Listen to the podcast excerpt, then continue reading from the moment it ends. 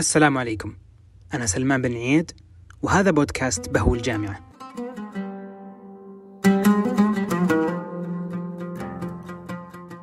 في هذه الحلقة استضفت الدكتور حسن الفيفي لنتحدث عن أدب الرحلات.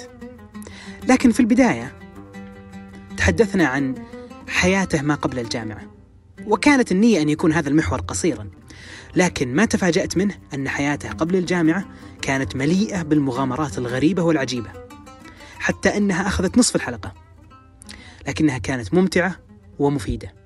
فأتمنى أن تستمتع وتستفيد من حديثنا عن تجربة الدكتور حسن الفيفي في حياته ما قبل الجامعة وكذلك عن حديثنا في أدب الرحلات. فأهلا بك في بهو الجامعة مع الدكتور حسن الفيفي عن أدب الرحلات.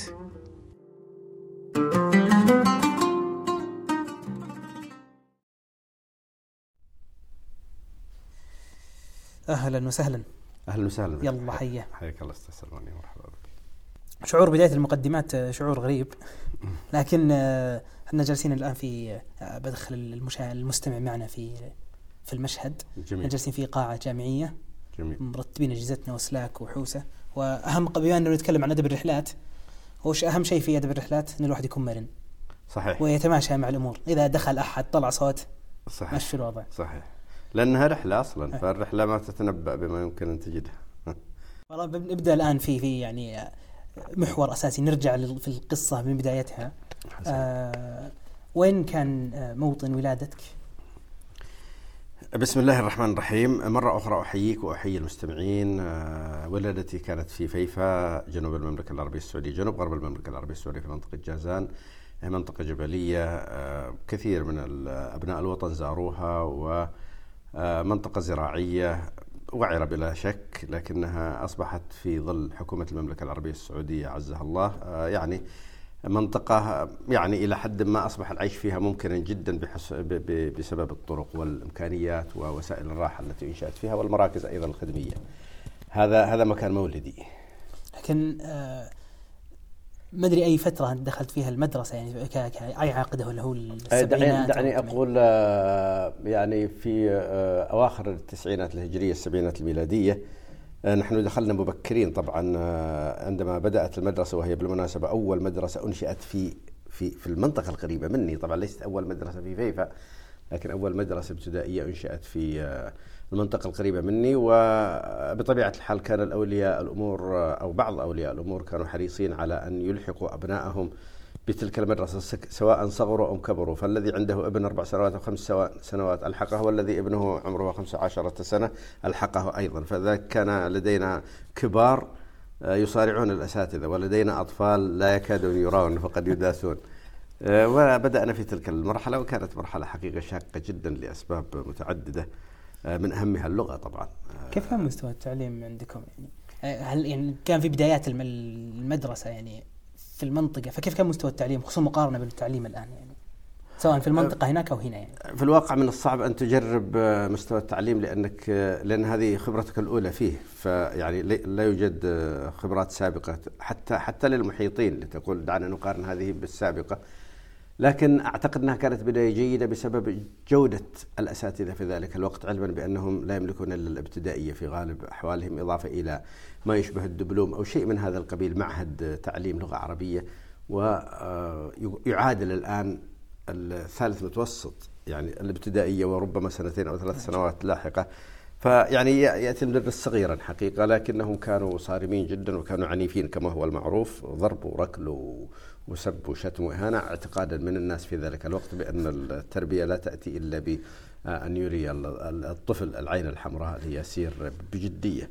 لكن كانت مشكلة اللغة هي أكبر المشاكل التي واجهتنا في تلك المرحلة كونها أول مدرسة تعتمد والذين قدموا لا يعرفون أن هناك مستوى لغويا آخر غير العربية الفصحى أو المعهودة في الجزيرة العربية فكنا لا نفهم كثيرا مما يدرسون به وخصوصا أن مجموعة من المدرسين أو معظم المدرسين حقيقة كانوا غير عرب عفوا غير سعوديين. فعندهم افتراض أنت في المملكة العربية السعودية لا يمكن أن تكون جاهل باللغة إيه العربية. إيه إيه بينما يعني عندما تأتيك مثلا الجبنة والحقل والأشياء هذه لا تدري عما يتحدثون ويطلبون منك إجابة لشيء لا تدري أساسا مجرد مصطلحات عندك علما أنك قد تكون رأيت حقل في الواقع لكن بل, بل, بل, بل أنت في الحقول لكنه لكن هذا المسمى لا تعرفه. فيعني هذه الأشياء واجهتنا حقيقة في البداية وشيئا فشيئا مع الصور مع الشرح مع الأشياء هذه تغلبنا عليها لاحقا بعد طبعا الضرب واللكم الذي تتطلبه المرحلة. هل طفولتك كلها قضيتها هناك قبل يعني الذهاب نعم, نعم. للعاصمة؟ نعم, يعني إن شئت بالمختصر أعطيك المسيرة التعليمية في دقيقة آه، أنا درست الابتدائية والثلثية المتوسطة في فيفا ودرست الثالث متوسط في الرياض والثانوية في الخرج والبكالوريوس في جامعة الإمام والماجستير في جامعة الملك سعود والدكتوراه في جامعة ليدز في بريطانيا. هذا بمختصر شديد في المرحلة التعليمية. تنقلت كثيرا. أي تنقلت كثيرا. طبعا لكن لكن هناك فاصل بعد بعد الثالث متوسط آه، أنني دخلت وظيفة. فدخلت إلى القوات المسلحة الجيش فأنا عسكري يعني فكونوا حذرين بعد ثالث متوسط؟ معي. بعد الثالث متوسط. نعم كان عمري كبيرا شوي لأنه آه أنا انقطعت من الثاني متوسط إلى بداية الثانوي يمكن أربع سنوات. كان تخللتها الثالث متوسط داخلا ثم آه دخلت العسكرية ويعني بدأت بالدراسة أثناء العسكرية وفي الجامعة أيضا كنت في العسكرية. و استقلت عندما انضممت إلى جامعة الملك سعود كمعيد. عام 1420 وش كان سبب انتقالكم للعاصمة؟ يعني؟ هل في سبب محدد ولا فقط لإكمال الدراسة؟ هو في الواقع انتقالي وليس انتقالنا لأن الوالدين عاشوا في الديرة إلى اليوم. آه، الوالد توفي رحمه الله قبل أشهر والوالدة لا زالت هناك في الجنوب. آه، أنا فقط الذي انتقل. طبعا المناطق النائية غالبا ما تكون فقيرة حتى في البلدان الثرية. بسبب بعدها عن المراكز الخدمة والعاصمة والمراكز المالية والتعليمية والثقافية والصحية والخدمية فيضطرون إلى الهجرة للبحث عن كل شيء عن التعليم وعن العمل وما شابه ذلك. فكل الشباب الذين كانوا قادرين على الهجرة من هناك هاجروا إلى الداخل السعودي بطبيعة الحال لكن إلى المدن الكبيرة كالرياض وجدة والمنطقة الشرقية و ومناطق أخرى بحسب ما يريده الشخص من الوظائف إذا كانت عسكرية أو مدنية أو دراسة أو ما شابه ذلك أو عمل اقتصادي. ويعودون في الإجازات وفي الأوقات المتاحة وهذا الشأن كان معي أيضا. فأنا اضطررت للهجرة صغيرا وكما لما جئت إلى هنا ظننت أنهم سيوظفونني قالوا أنت صغير ما تصلح الوظيفة. فدرست أكملت المتوسطة فلما جاءت أزمة الخليج آه، أزمة الكويت طبعا م. هذا وقت مبكر 91 إيه كنت يعني كانوا كانوا ما يتشددون في هذه المسألة يريدون أحدا ينضم إلى هذه فأدخلوني في العسكرية مع الآخرين وبقيت في العسكرية نحو عشر سنوات إلى أن انضممت إلى الجامعة لاحقا. هل فيه آه، موقف حصل لك في طفولتك؟ آه، غير وجهة نظرك عن أمر أو شكل هويتك؟ يعني ترى أن يعني قبل ما نبدأ نتكلم عن دراستك في الجامعة وكذا هل في شيء في الطفولة آه، تجده يعني أثر فيك للمرحلة اللي بعدها اللي ما بعد الطفولة يعني؟ والله هناك آه، ما يشبه الكارثة حقيقة. يا ساتر. آه أي والله. طبعا هي ليست كارثة يعني فيزيائية بمعنى إصابة ولكنها كارثة نفسية أو عقلية دعني أقول لأنها آه طبعا كما سبق أن قلت في بداية الحديث من أن الدراسة عندنا حديثة وقليلة المدارس والمناطق وعرة. يعني حتى لو كان المسافة بينك وبين مدرسة أخرى اثنين كيلو أو ثلاثة فلا يعني أنك ستقطعها في الوقت الذي تقطع فيه مسافة من اثنين كيلو أو ثلاثة. أنت تحتاج ربما إلى نصف يوم.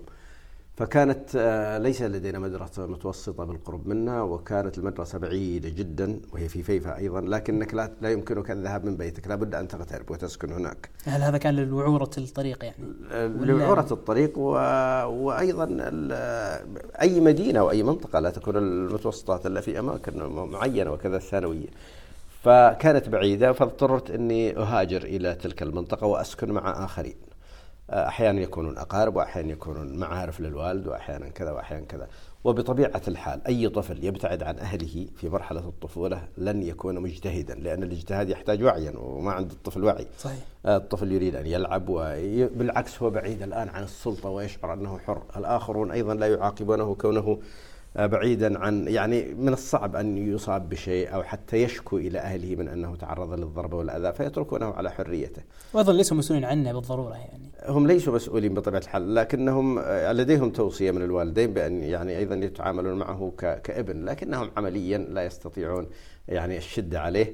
فنحن أنا انطلقت حقيقة في في الكرة وفي السهر وفي اللعب وفي وفي التغيب من المدرسة هذه في فترة من عمرك؟ آه، في الفترة المتوسطة. متوسطة. أو نعم. الابتدائي كنت في الابتدائي كنت عند الوالدين عند الوالد فكنت والمتوسطة بعيدة. كنت بين آه. عصا الوالد وعصا المدرس فما يمكنني لكن لما انتقلت أصبحت حرا طليقا وأصبحت لا أعود إلى أهلي إلا كل أسبوعين مرة واحيانا أحيانا في الأسبوع نهاية الأسبوع إذا أمكن. فقضيت في المتوسطة ست سنوات. هذه من اللعب وال. حقيقة لم تكن دراسة بقدر ما كانت نزهة وكنت أبحث عن الأعذار التي أقنع بها الوالدين ليبقوني أطول فترة ممكنة. طبعا العودة إلى البيت كانت تعني المشقة وتعني كان عندنا آه، يعني آه، نحن نصف بادية يعني لدينا مزارع والعمل في الزراعة شاق جدا جدا في تلك المنطقة وفي تلك الأيام. آه، أيضا لدينا مواشي فلا بد من رعايتها وأخذها بعيدا وكذا وكذا. فالعمل حقيقة يعني يعني حرية مقابل عمل. فأنا رغبت في هذه الحرية وأردت أن أطيل الدراسة وأتهم المدرسين بمعاملتي بمحاولة ترسيبي والتآمر ضدي. وأنا جيد معروفا إني جيد لكنهم هم يكرهوني وكذا وكذا إلى آخره. وبطبيعة الحال الوالد والوالدين لما تلح عليهم بهذا وتعاطفهم معك ومعرفتهم أنك لست سيئا يجعلهم إلى حد ما يقتنعون. إني قضيت على حال نحو آه، خمس سنوات في آه، إلى الثاني إلى الثالث متوسط. لكني حقيقة في نهاياتها أو دعني أقول في السنتين والثلاث الأخيرة منها شعرت حقيقة ب يعني عاد علي الألم كبير أو أو ارتفع مستوى الألم كبيرا لأنني أصبحت أرى الطلاب الذين كنت معهم في الأول متوسط أصبحوا في الثانوية ذهبوا. طبعا ما عندنا ثانوية هناك يهاجرون هم أيضا لكنهم ذهبوا. والذين كانوا في الخامس الابتدائي أصبحوا في الثالث متوسط وأنا لا زلت فأصبحت صعبة جدا صادمتك الحياة يعني بواقعيتها أي والله ظهرت اللعب وظهر ظهرت النتائج. فلما دخلت الثالث متوسط أيضا رسبت. طبعا الرسوب الحمد لله لم يكن بسبب معرفة الحقيقة وهذا يعني لأنها ليست صعبة الدراسة في في واقع الأمر يعني صحيح. شيء تعرفه مثل الناس يعني. لكن لكن سيصبح أي شيء صعبا عندما تتركه. فأنا لم أكن أحل الواجب ولم أكن أذاكر ولم أكن أحفظ ما يطلب مني. ببساطة شديدة كانت الكتب مربوطة من صباح اليوم إلى صباح الغد. فبطبيعة الحال في الغد سيسألونني عن ما حفظت وسيسألونني عن الواجب وأنا أساسا ما أدري عن أي واجب يتكلمون. في الغالب كنت غائبا أمس أو كنت ناعسا بسبب السهر إلى آخره. فتعثرت كثيرا جدا وللأسف أنني وصلت إلى مرحلة وهذه الكارثة. وصلت إلى مرحلة أعتقد فيها بأنني غير صالح للاستهلاك الآدمي للاستهلاك المعرفي. آه، لم أكن آه، يعني بعبارة أخرى دعني أقول غبي. لا يمكنني أن أتعل... لا يمكنني أن أحصل على شهادة مثل الناس. فحاولت أني أخرج بما تبقى من ماء الوجه لاعتقادي بأنني آه، ليس هذا مجالي والتعليم لا يمكن أني أخوض فيه وأسير فيه. وخلص خرجت. وأنا لا أريد أن أدرس مطلقا. انتقلت إلى دخلت المركز التدريب المهني وأيضا لم يقبلني المركز لصغر سني لكنه بواسطة وشيخ القبيلة ويعني من هنا ومن هناك كأنني سأدخل إلى مركز استخبارات. قبلت ودرست فيه وبعدين جئت إلى الرياض. هنا لما جئت إلى الرياض كان يدرس معي في الابتدائية ابتدائيتنا تلك القديمة طالب. هذا الطالب وأنا تحدثت عن هذا كثيرا. هذا الطالب افترقنا لأنه هاجر هو في ربما الثالث الابتدائي إلى إلى نسميه إلى الشام. يعني إذا إذا ابتعد عنا شمالا فهو إلى الشام. لا ندري إلى أين. لكنه علمت لاحقا أنه ذهب إلى الخرج وبقي هناك. هذه الشام. أي هذه الشام. أي أي, أي مكان شمالا. أي أي مكان شمالا. نعم. فدرس هناك وبعدين لما انتهى من الثانويه وكان الولد ممتاز جدا ما شاء الله عليه دخل إلى الجامعة. فلما جئت أنا إلى الرياض علم بي وكذا وجاء وقابلني وأهلا وسهلا. طبعا فرحت به جدا جدا جدا. وإن كنت يعني أشعر بالفرق الهائل بيني وبينه. يعني هو في الجامعة طبعا لا أدري ما الجامعة لكن أدري إنها شيء كبير. و... وأنا في الثاني متوسط وأبحث لي عن عمل يعني. ف يعني لا زال بي حقيقة لا زال بي لا زال بي يقنعني بأنني إنسان سوي. وأنا حقيقة أرفض أن أكون كذلك. أرفض أنا أعرف أنني لست إنسانا قادرا أو لا يمكنني أن أتعلم ولا أريد أن أقول له ذلك وفي الوقت نفسه لا أريد أن يلح علي. فكانت مجموعة من المشاعر لكن على أي حال استطاع بعد بعد بعد يعني أشهر أن يقنعني بأن أدرس تهريب. كيف تهريب؟ كيف؟ أي حلو السؤال. يعني أدرس ليلا لا أحد يدري بي خفيه آه هذا هذا كان الاتفاق بحيث إذا أخفقت لا أزيد على النقاط السوداء نقطة سوداء وإذا نجحت آه وطبعا لما درست كانت القضية قد تغيرت تماما تماما. اولا وعي ارتفع ثانيا رغبتي الآن في الدراسة أصبحت مختلفة آه فكرة اللعب والعبث لم تعد موجودة وجدت إن الدراسة سخيفة جدا جدا جدا يعني, يعني بتخلصها في أسبوع كلها. أيضا لدي رصيد في الدراسة سابق ولحسن الحظ إني درست ليليا ودرست مع كبار والكبار مشغولين بأسرهم وأبنائهم. أنا شاب ما عندي شيء الا الدراسه والكتب فتفاجأ الأساتذة بأن لدينا دافور. أنا أول مرة يتعامل معي كدافور منذ خلق آدم عليه المقارنة أي والله. فاكبر يعني اكبروا قيمتي صراحة ودائما يسألوني أنا ويتحدثون معي أنا وما رأيك كذا وأحفظ أنا والطلاب الدولة الكبار، الكبار كلهم عسكر أو موظفون أو كذا يريدون الترقية ما يريدون الدراسة. فدائما يسألوني أنا وكيف نحل هذه وكيف نكتب هذه والله شفت نفسي أنا بسيط يا ولد.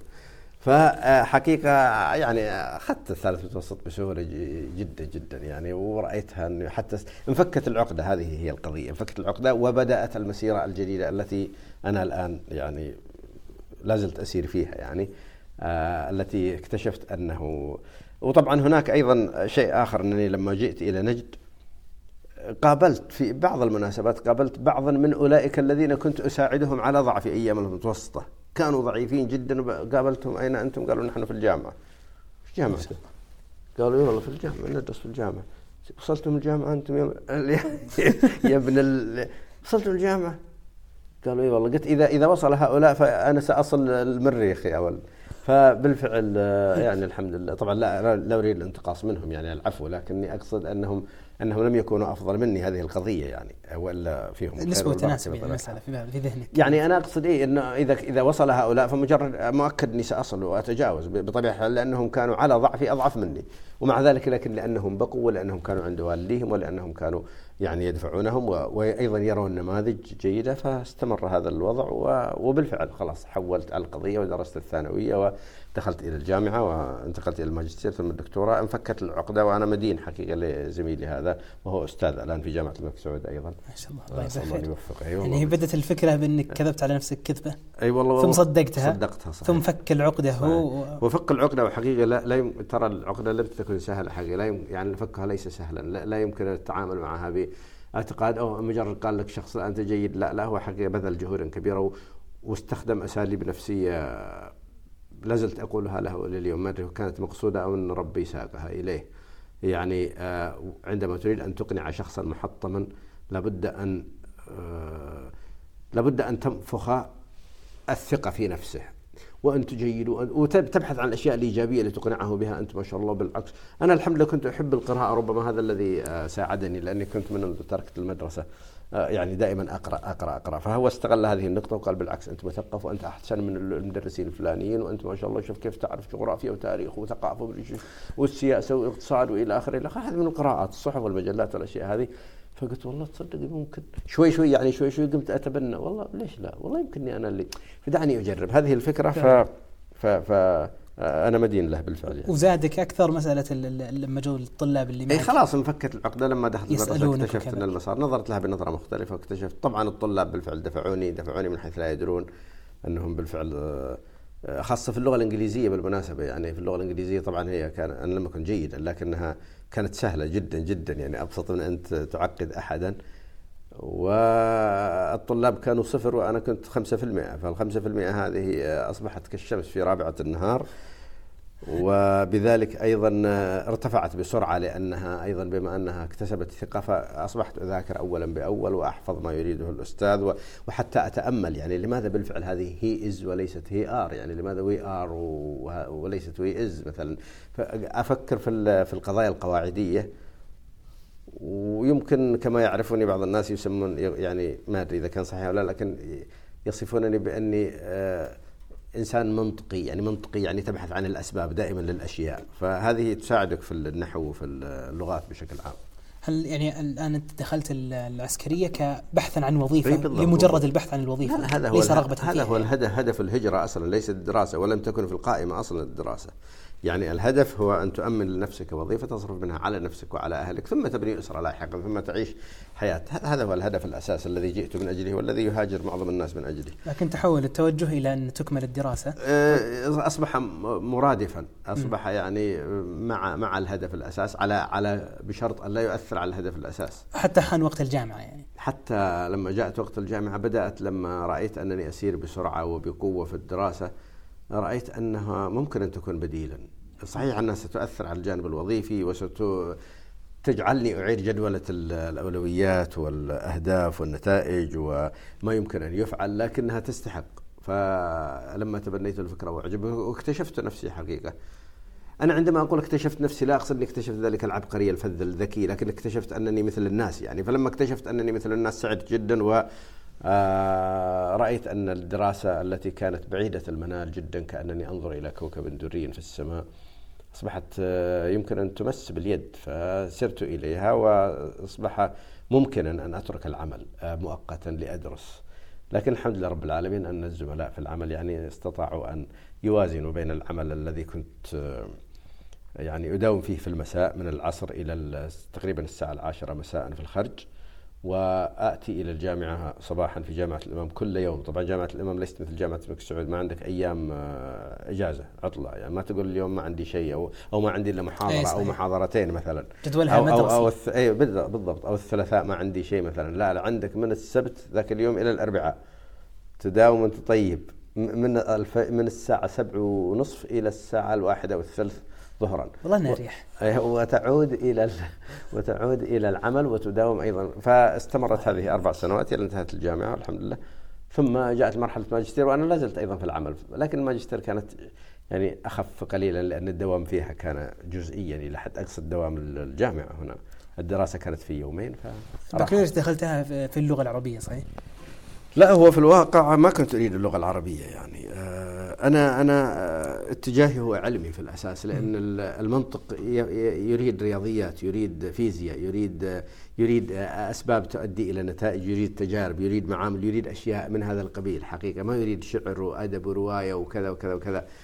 آه، لكن لما دخلت جامعة الإمام اولا لم تكن فيها. اولا لماذا دخلت جامعة الإمام أصلا؟ هذا التساؤل الحقيقي إيه، هذا التساؤل الحقيقي هو في الواقع لما انتهينا من الثانوية تقدمنا إلى جامعة الإمام لأنها كانت الوحيدة في في في المنطقة الوسطى التي تقبل الانتساب. لم تكن جامعة الملك سعود تقبل الانتساب وما كان في جامعات كثيرة أصلا. فكانت تقبل الانتساب فتقدمنا إليه على أن ننتسب. لسوء الحظ لم آه، يظهر اسمي في الانتساب لخطأ إن اكتشفته لاحقا لم خطأ يعني جهل بالأنظمة والقوانين وكذا. لكنه كان لحسن الحظ الحمد لله رب العالمين. فلم يظهر اسمي. فبعد أن لم يظهر اسمي وقبل بعض الزملاء اقترح علي أحد الزملاء الذين أيضا وهو غير هذا هذا هذا من نجد لا زلت أكن له وسأذكره يعني لأنه يستحق الذكر حقيقة الأستاذ محمد الكنهل من أهل الخرج كان كان زميلا في العمل زميل مجاز يعني أنا كنت جنديا وهو كان موظفا كبيرا لكنه آمن بي واعتقد أن هذا الشخص يعني ما لا أدري هل هو آمن لا أو أو أنه على الأقل أراد أن يشجعني لكن دائما يقول لي هذا ليس مكانك وأنت يرى معي الكتب دائما ويرى معي كذا ويراني أقرأ وأناقش وكذا يقول هذا أنت في المكان الخطأ مكانك ان تدرس وأنت كذا وكذا وأنت جيد إلى آخره إلى آخره وما زال بي حقيقة حتى قال لي لو وصلت المفاصلة إلى أن تترك العمل وتدرس فادرس انتظاما وليس انتسابا. وأقنعني بأنه حتى لو استقلت ماذا سيحدث يعني؟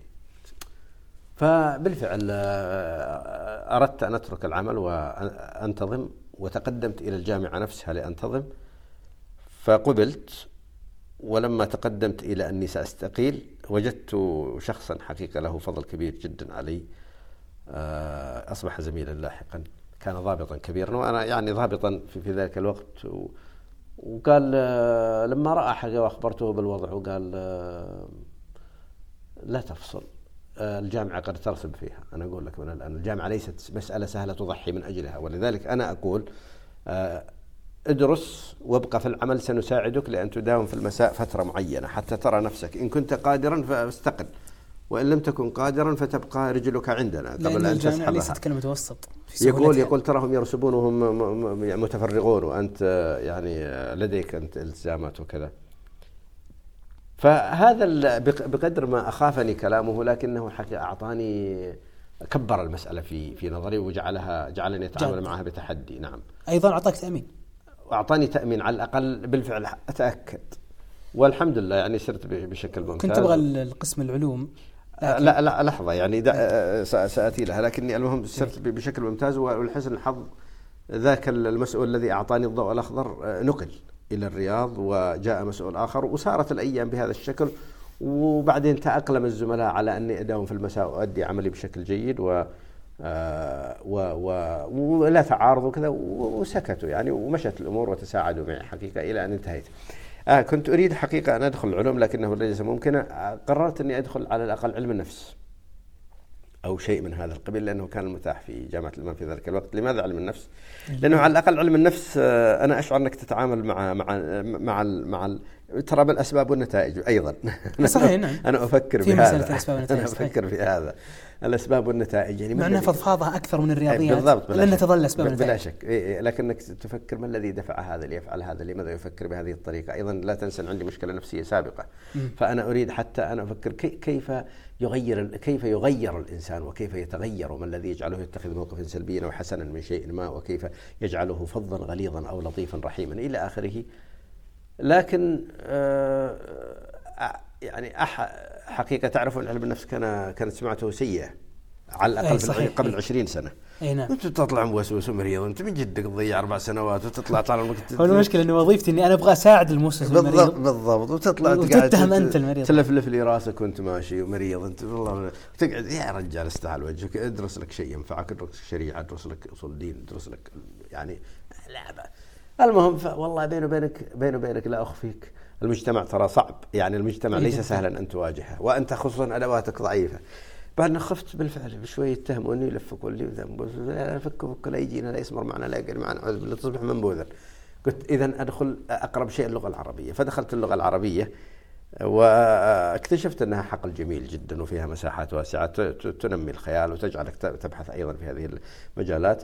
وبالعكس سعدت والله بذلك بذلك المسار واتجهت يعني إليها هي لم تكن رغبة من الأساس مع إنه واحدة من أدواتها لا لا يعني لا. القراءة كانت موجودة صحيح عندك من صحيح زمان صحيح. صحيح حقيقة و و و وهذا الذي ساعدني ترى في قبول اللغة العربية. لم يكن سهلا القبول في اللغة العربية لأنه كان مقابلة صارمة جدا يسألونك في الشعر وفي العروض وفي النحو وفي الت... في في أشياء حقيقة كأنك آه، تتقدم للماجستير وليس ل آه، لبكالوريوس. وكان هذا غريبا. لا زلت إلى اليوم أتذكر سؤالا سئلت إياه في المقابلة. أسأل عنه والآن أسا- الأساتذة الذين تخرجوا من الجامعة لا يجيبون عليه. كثير منهم لا يجيب عليه إلى هذه اللحظة. عجيب. اي والله. لو سألتكم يمكن ما تعرفون. آه، أو يعني تخيل معي طالب جاي من الثانوية يقول له آه، ما إعراب سورة الكهف. هذه الكلمة بس ها- هاتان الكلمتان. آه سورة الكهف حرفيا. اي اي كذا. ما اعرف آه عجيب. تعرفون ما إعراب؟ لا والله. أنت يقول مرر مرر. يقول لك ما سورة الكهف؟ ها؟ سورة الكهف؟ سورة الكهف سورة الكهف. إيه، فأنظر في السماء وفي الأرض وأصعد وأصوب و... سورة طبعا عندي مبادئ بأن الشيء المرفوع لابد أن يكون فاعلا أو مبتدأ أو خبر سورة الكهف. قلت له مبتدأ. قال فأين الخبر؟ قلت والله صح سورة الكهف. قلت لا لا خبر قال فأين المبتدأ؟ قلت لا لا لا لا هي فاعل. قال طيب فاعل إيش؟ قلت فاعل أكيد فاعل ماذا فعلت؟ قلت ها؟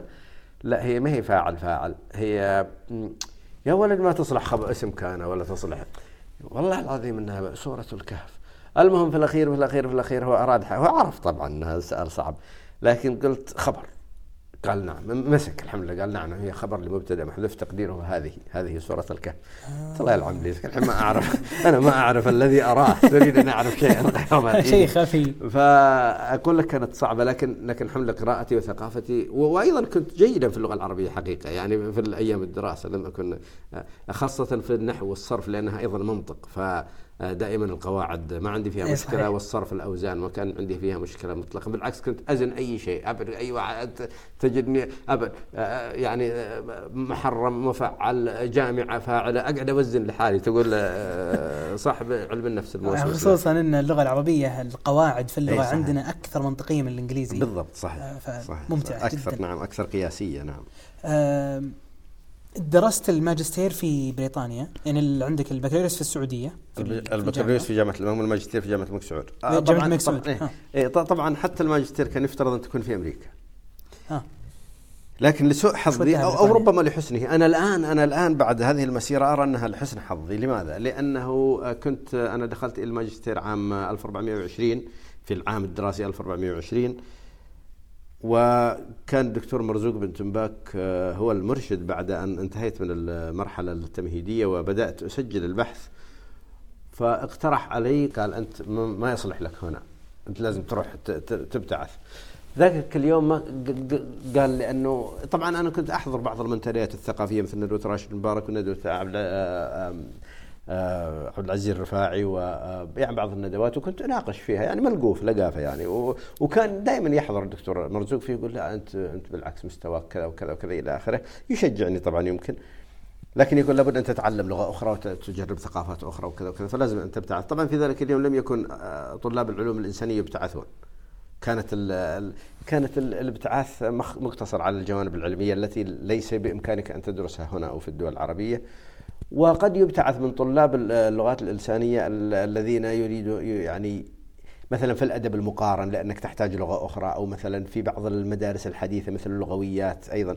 لكن الأشياء الأدب والنحو والأشياء هذه ما تبتعث من أتوقع يعني أكثر سؤال يتبادر لذهن أي شخص يعرف أن طلاب آه، اللغة العربية يبتعثون للخارج هو ليش تدرسون في الخارج؟ بالضبط بالضبط أنتم تدرسون لغة عربية فتذهبون إلى ناس غير عرب تدرسونها، لا الاعجب من هذا أن طلاب الدراسات الإسلامية يبتعثون ويدرسون في الخارج إنهم خريجوا شريعه ودراسات إسلامية أو أصول دين أو كذا. فقال لي الدكتور مرزوق آه، قلت فأنا أنا في الواقع لا أريد البعثة اللي أنها كانت كارثة عندنا أن تروح البلاد الكفار. تروح أنا كنت متزوج وعندي أبناء وكذا توهم أطفال يعني تروح وبعدين ما أعرف لغة إنجليزية وبعدين تروح تروح ليش؟ تروح. وما ما في في بيئتنا في بيئتنا القروية ما كان هذا معروفا إنه في, في ناس يروحون تروح. وبعدين أنا عندي الوالدين وعندي كذا فهم يريدون أن أكون قريبا. طبعا لست قريبا أنا في الرياض لكن أيضا قريب إلى حد ما أقرب من أمريكا. فعلا.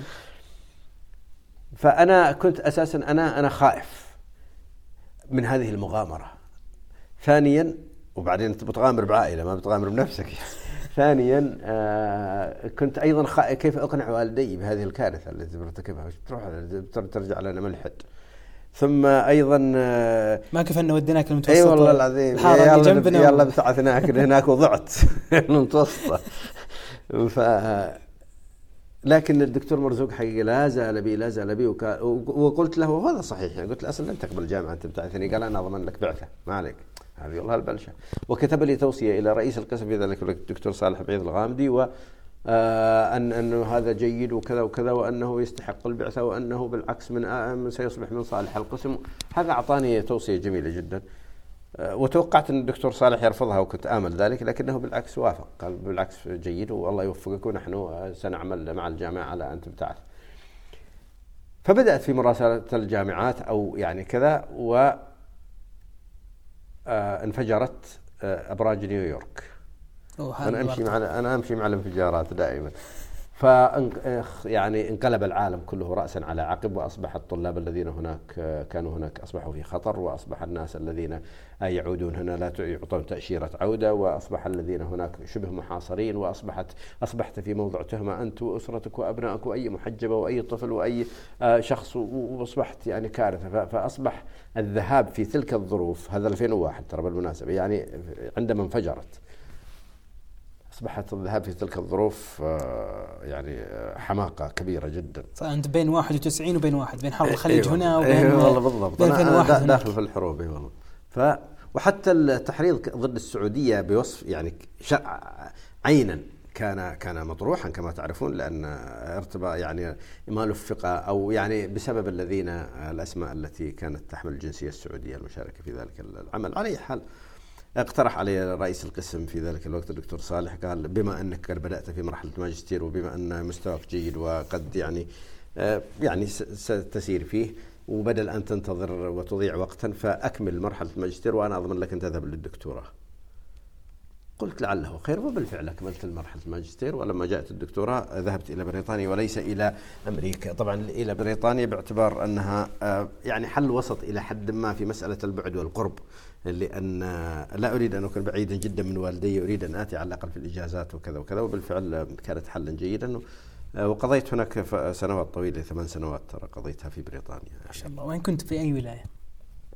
كنت في إنجلترا في شمال إنجلترا في وسط بريطانيا التي هي آه، منطقة يوركشير يسمونها يوركشير التي هي في مدينة ليدز وهي عاصمة المقاطعة. آه، في شمال يعني تبعد عن لندن أربع ساعات شمالا. آه، وش كانت دراستك يعني في الماجستير؟ تركز عليه؟ لا الماجستير درستها هنا وكانت في أدب الرحلة أيضا. لكن آه، الدكتوراه آه، دعني أجيب على سؤال طرحته قبل قليل وهو إيه. يتبادر إلى أذهان الناس دائما لماذا يذهب آه، طلاب اللغة يعني المختصون في اللغة العربية لدراستها في بلاد غير عربية؟ اي كنت برجع له بس إن إحنا أخذنا المحور جانبي الان نرجع له طيب اللي هو ليش يدرسون؟ إيه؟ لا هو أنا قصدي إن خلصنا المحور اللي إيه؟ رحنا محور جانبي الآن نرجع للمحور اللي أنا سألت فيه اللي هو ليش هم يدرسون لغة العرب في بلاد الغرب؟ جميل. وأيضا مسألة ثانية دائما أجدها إنه ليش أبحاثكم أيضا تكتب يعني لك بحث آه، كتبته آه، آه، هناك أيضا كان باللغة الإنجليزية نعم. فيعني يتبادر للذهن ليش أبحاثكم تكتب بلغة الغرب؟ هل هو لأنها موجهة لهم ولا هي موجهة لنا ولا اولا دعني أقول لك أنه فيما يخص آه، الثقافة العربية آه، ما أدري هل يتسع الوقت لإعطاء آه، هذا الملمح الذي بالفعل هذا السؤال دائما يواجهني في في كل مكان وهو سؤال مشروع أنا كنت أتساءله. يعني أستغرب واحد يعني أنا لما انضممت إلى القسم هنا أنا صدمت أن أن يمكن 90% من أعضاء هيئة التدريس في القسم كلهم خريجوا بلاد بلاد أجنبية أما بريطانيا أو أمريكا أو أو ألمانيا أو فرنسا أو أي مكان آخر. عجيب يا أخي وش وداكم هنا؟ كنتم تدرسون باللغة العربية. هذا السؤال كان عندي وبالتالي مؤكد إنه عند آخرين. آه هو في الواقع فكرة فكرة الجامعة هي أن تكون ثقافتك عالية أن تكون لديك لغة أخرى تستطيع أن تخاطب بها الآخرين عن ثقافتك. الثقافة التي تأخذها من من هذا الجيل وتنقلها إلى الجيل التالي حقيقة لا تعيش هي فقط مجرد ترحيل تشبه الرواية لكن عندما تستطيع أن تتعامل مع الآخرين بثقافتك وحتى تنظر ماذا كتبوا وماذا قالوا عنها ولن تستطيع إذا لم تكن تتقن لغة لغة أخرى يعني تعرف بها ذلك المنتج. هذا جانب. الجانب الآخر آه أن فيما يخص الثقافة العربية وهذا المدخل الذي قلت هل يتسع له الوقت هو أن الثقافة هو أن بريطانيا وفرنسا عندما أرادت أن تسيطر على أجزاء من العالم كانت مهتمة كثيرا جدا وخصوصا بريطانيا بأن تدرس المكونات الثقافية لتلك الشعوب. أن تعرف ما الذي كونهم ثقافيا بهذا الشكل لماذا؟ ما الأشياء التي تستفزهم؟ ما الأشياء التي ستجعلهم يقاوموننا؟ ما الأشياء التي ستجعلنا نعيش معهم في سلام؟ ما الأشياء التي فعلناها سنكون أصدقاء لهم؟ خصوصا مسألة اللغة أيضا ما إيه بالضبط. ما الأشياء التي ينبغي أن نبتعد عنها لأننا س س يعني سيدافعون عنها ب ب ب حتى لو ماتوا. ما الأشياء التي بهذا الشكل. لابد أن يبحثوا في المكون الثقافي الذي كون هذه الأمة. ما الذي يجعلهم يغضبون إذا ذكرنا آه، الإسلام؟ ما الذي يجعلهم يغضبون إذا تعرضنا لامرأة؟ بينما عندنا ما فيها شيء مثلا. يعني ممكن أن أن أحادث امرأة وأتحدث معها بينما هناك يعني ممكن يقتلك الشخص. ما الأسباب التي دعت إلى هذه الأشياء؟ فاضطرهم ذلك إلى أن يدرسوا القرآن ويدرسوا الحديث ويدرسوا الشعر والمكون الثقافي وتاريخ العرب والمسلمين. ولكي يفعلوا ذلك اضطروا أن يفرغوا علماء منهم لي اولا اولا جعلوا أقسام في جامعة أكسفورد وكامبريدج وجامعات الغربية وطبعا ألمانيا وفرنسا وهولندا وغيرها لتدرس اللغة العربية والثقافة العربية لتخرج أساتذة أو دعني أقول علماء آه، قادرين على التعامل مع الثقافة العربية. فجاء هؤلاء إلى العالم العربي ودرسوا قالوا ترى عندهم الحديث كذا وكذا يقول والحديث تقول كذا والقرآن يقول كذا وانتبه لا تقترب من هذا وانتبه لا تتعلم من هذا ولا تت... لا, لا تصطدم معهم في دينهم كذا وكذا فلا لا, لا تقوم تدعوهم للنصرانية مثلا إذا جئت هناك. ترى إذا تجنبت هذا خففت 50% إذا دعوتهم ترى سيقاومون كلهم. طيب ليش يقول لك أبدا الدين عند الله الإسلام القرآن يقول كذا ومن أحسن دينا من دعا إلى الله صل يا, يا أهل الكتاب. أوه اي تراكم أنتم أهل الكتاب يعني تراكم لستم بعيدين لكن انتبهوا ترى المرأة عندهم لا لا ترى ثقافتهم كذا ثقافتهم ثقافتهم الدينية وثقافتهم الاجتماعية. ترى لابد تتعامل معها بكذا. ترى ترى إذا دخلت عند واحد لازم تصافحه باليمين وتصافحه بالشمال انتبه. ترى لا تدخل بنعالك لازم انتبه لا تخلي لا تأكل بالشمال لا تأكل كذا لا تصافح بكذا لا تقول كذا لا تبدأ بكذا إذا سئلت تقول كذا. فيعطونك فهم كامل لحياتهم. يعطونهم فهم كامل. يعني هؤلاء المختصون ولكي يعرفوا ذلك لابد أن ينقبوا ولكي ينقبوا ذلك وجدوا عشرين مخطوطة لكتاب ما فلا بد أن يحققوه. ومن هنا ظهرت تحقيق الكتب قام بها غربيون. فحققوا الأدب العربي والثقافة العربية والتاريخ والجغرافيا وما شابه ذلك واكتشفوا كنوزا هائلة جدا العرب نفسهم لم يكونوا يعلموا عنها بسبب ضعف العالم العربي في ذلك الوقت وجهله. فنبشوا تلك ال ونقلت كثير من المخطوطات إلى الجامعات الغربية وحفظت هناك يعني لحسن الحظ وليس لسوءه مع أن بعضهم مستاء من ذلك لكن لو بقيت في العالم العربي لا احرقت أو ضاعت أو بيعت فبقيت هناك. ولذلك حتى أن الحديث الشريف وضعوا له يعني هذا عجيب أنهم وضعوا الحديث الشريف فهرسا سموه الفهرس آه سموه إيش؟ المعجم المفهرس لألفاظ الحديث الشريف. آه لماذا؟ لأنهم يجدون مثلا يجدون مراجع كثيرة للحديث الشريف هذا البخاري وهذا مسلم وهذا الترمذي وهذا ابن ماجه وهذا سنن أحمد وهذا داو ابن داود وهذا أبو داود سنن أبي داود وسنن الرشو وكذا وكذا وبعدين هذا صحيح وهذا حسن وهذا ضعيف وهذا موضوع هذا كيف نعرف هذه الأشياء وبعدين أين أعرف هذا هذا الذي أجده هنا ضعيف يمكن حسن في مكان وش تسوي قالوا تدري دعنا نأخذ هذا الحديث في كل هذه المراجع فجاءوا بهذا المعجم وضعوا هذا المعجم مثلا مثلا مثلا من حسن الإسلام المرء تركه ما لا يعنيه مثلا موجود في البخاري في في صفحه في الجزء كذا في صفحة كذا وكذا ويعني تصنيفه حسن أو أو صحيح مثلا. خرجوها جميعا. خرجوها كل الأحاديث يشيرون إلى أين تجد هذا الحديث بالضبط وأين تجد هذا فأصبح معجما ضخما هائلا جدا يعطيك الحديث وموقعه والجزء والكتاب والدرجة وإلى آخره إلى آخره والدلالة التي يعني تأثيرها الثقافي في في الوعي العربي. آه، وحتى الأحاديث الضعيفة أو الموضوعة التي أثرت في العقلية العربية مع أنها موضوعة يشيرون إليه هذا ترى ليس صحيحا لكنه آه، يتعامل معه العرب والمسلمون على أنه صحيح وكذا إلى آخره. فترى تأثيره مثل ذاك وأقوى من الصحيح لا يهمك يعني لكن اعرفه. فطبعا لاحقا وضع المسلمون آه، أيضا المعجم المفهرس لألفاظ القرآن الكريم وضعه محمد فؤاد عبد الباقي رحمه الله. مثل يعني على هذه الطريقة التي فعلوها لأنهم لم يكونوا مضطرين إلى التعامل مع القرآن بمعجم مفهرس كونه موجودا يعني فما في يعني كتاب واحد فما فيه مشكلة.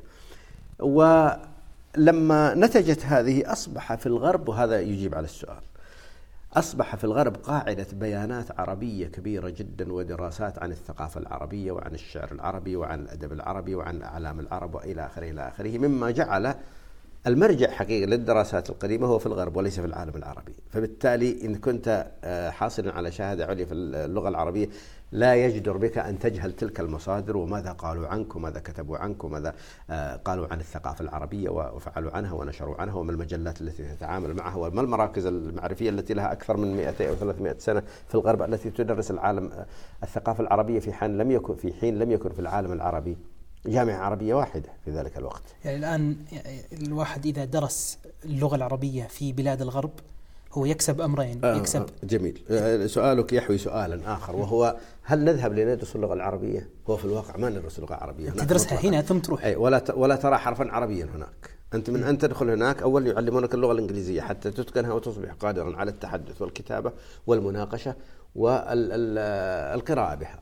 فإذا وصلت إلى هذه المرحلة واختبروك وحصلت على ستة أو سبعة أو ستة ونص المهم درجة معينة يختارونها في الآيلتس أو في التوفل.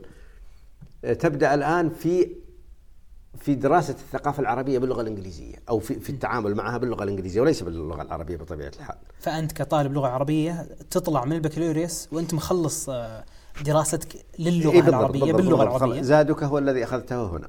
لكن تذهب هناك لتكسب تذهب هناك. أمرين. إيه؟ أولهم أنك تتعرف على ثقافة أخرى وتربط نفسك بها صحيح. وتاخذ من علومها وتعطيهم من علومك صحيح. وفي نفس الوقت أنك اللي هم جمعوه وصنفوه من العلوم المتعلقة بك خصوصا لوجهة نظرهم عنك وهذا ما يعني آه، محور ثاني بدخل له الآن أه تطلع عليه بحيث إنك تشوف هم شلون فاهمينك. صحيح. أه صحيح. تدرس أنت الأدب العربي باللغة الإنجليزية للطلاب. صحيح. أه في طلاب الدراسات العليا. صحيح. أه حدثني عن تجربتك في هذا المجال خصوصا مسألة يعني ما هي الصورة في العقل الغربي لل للعرب؟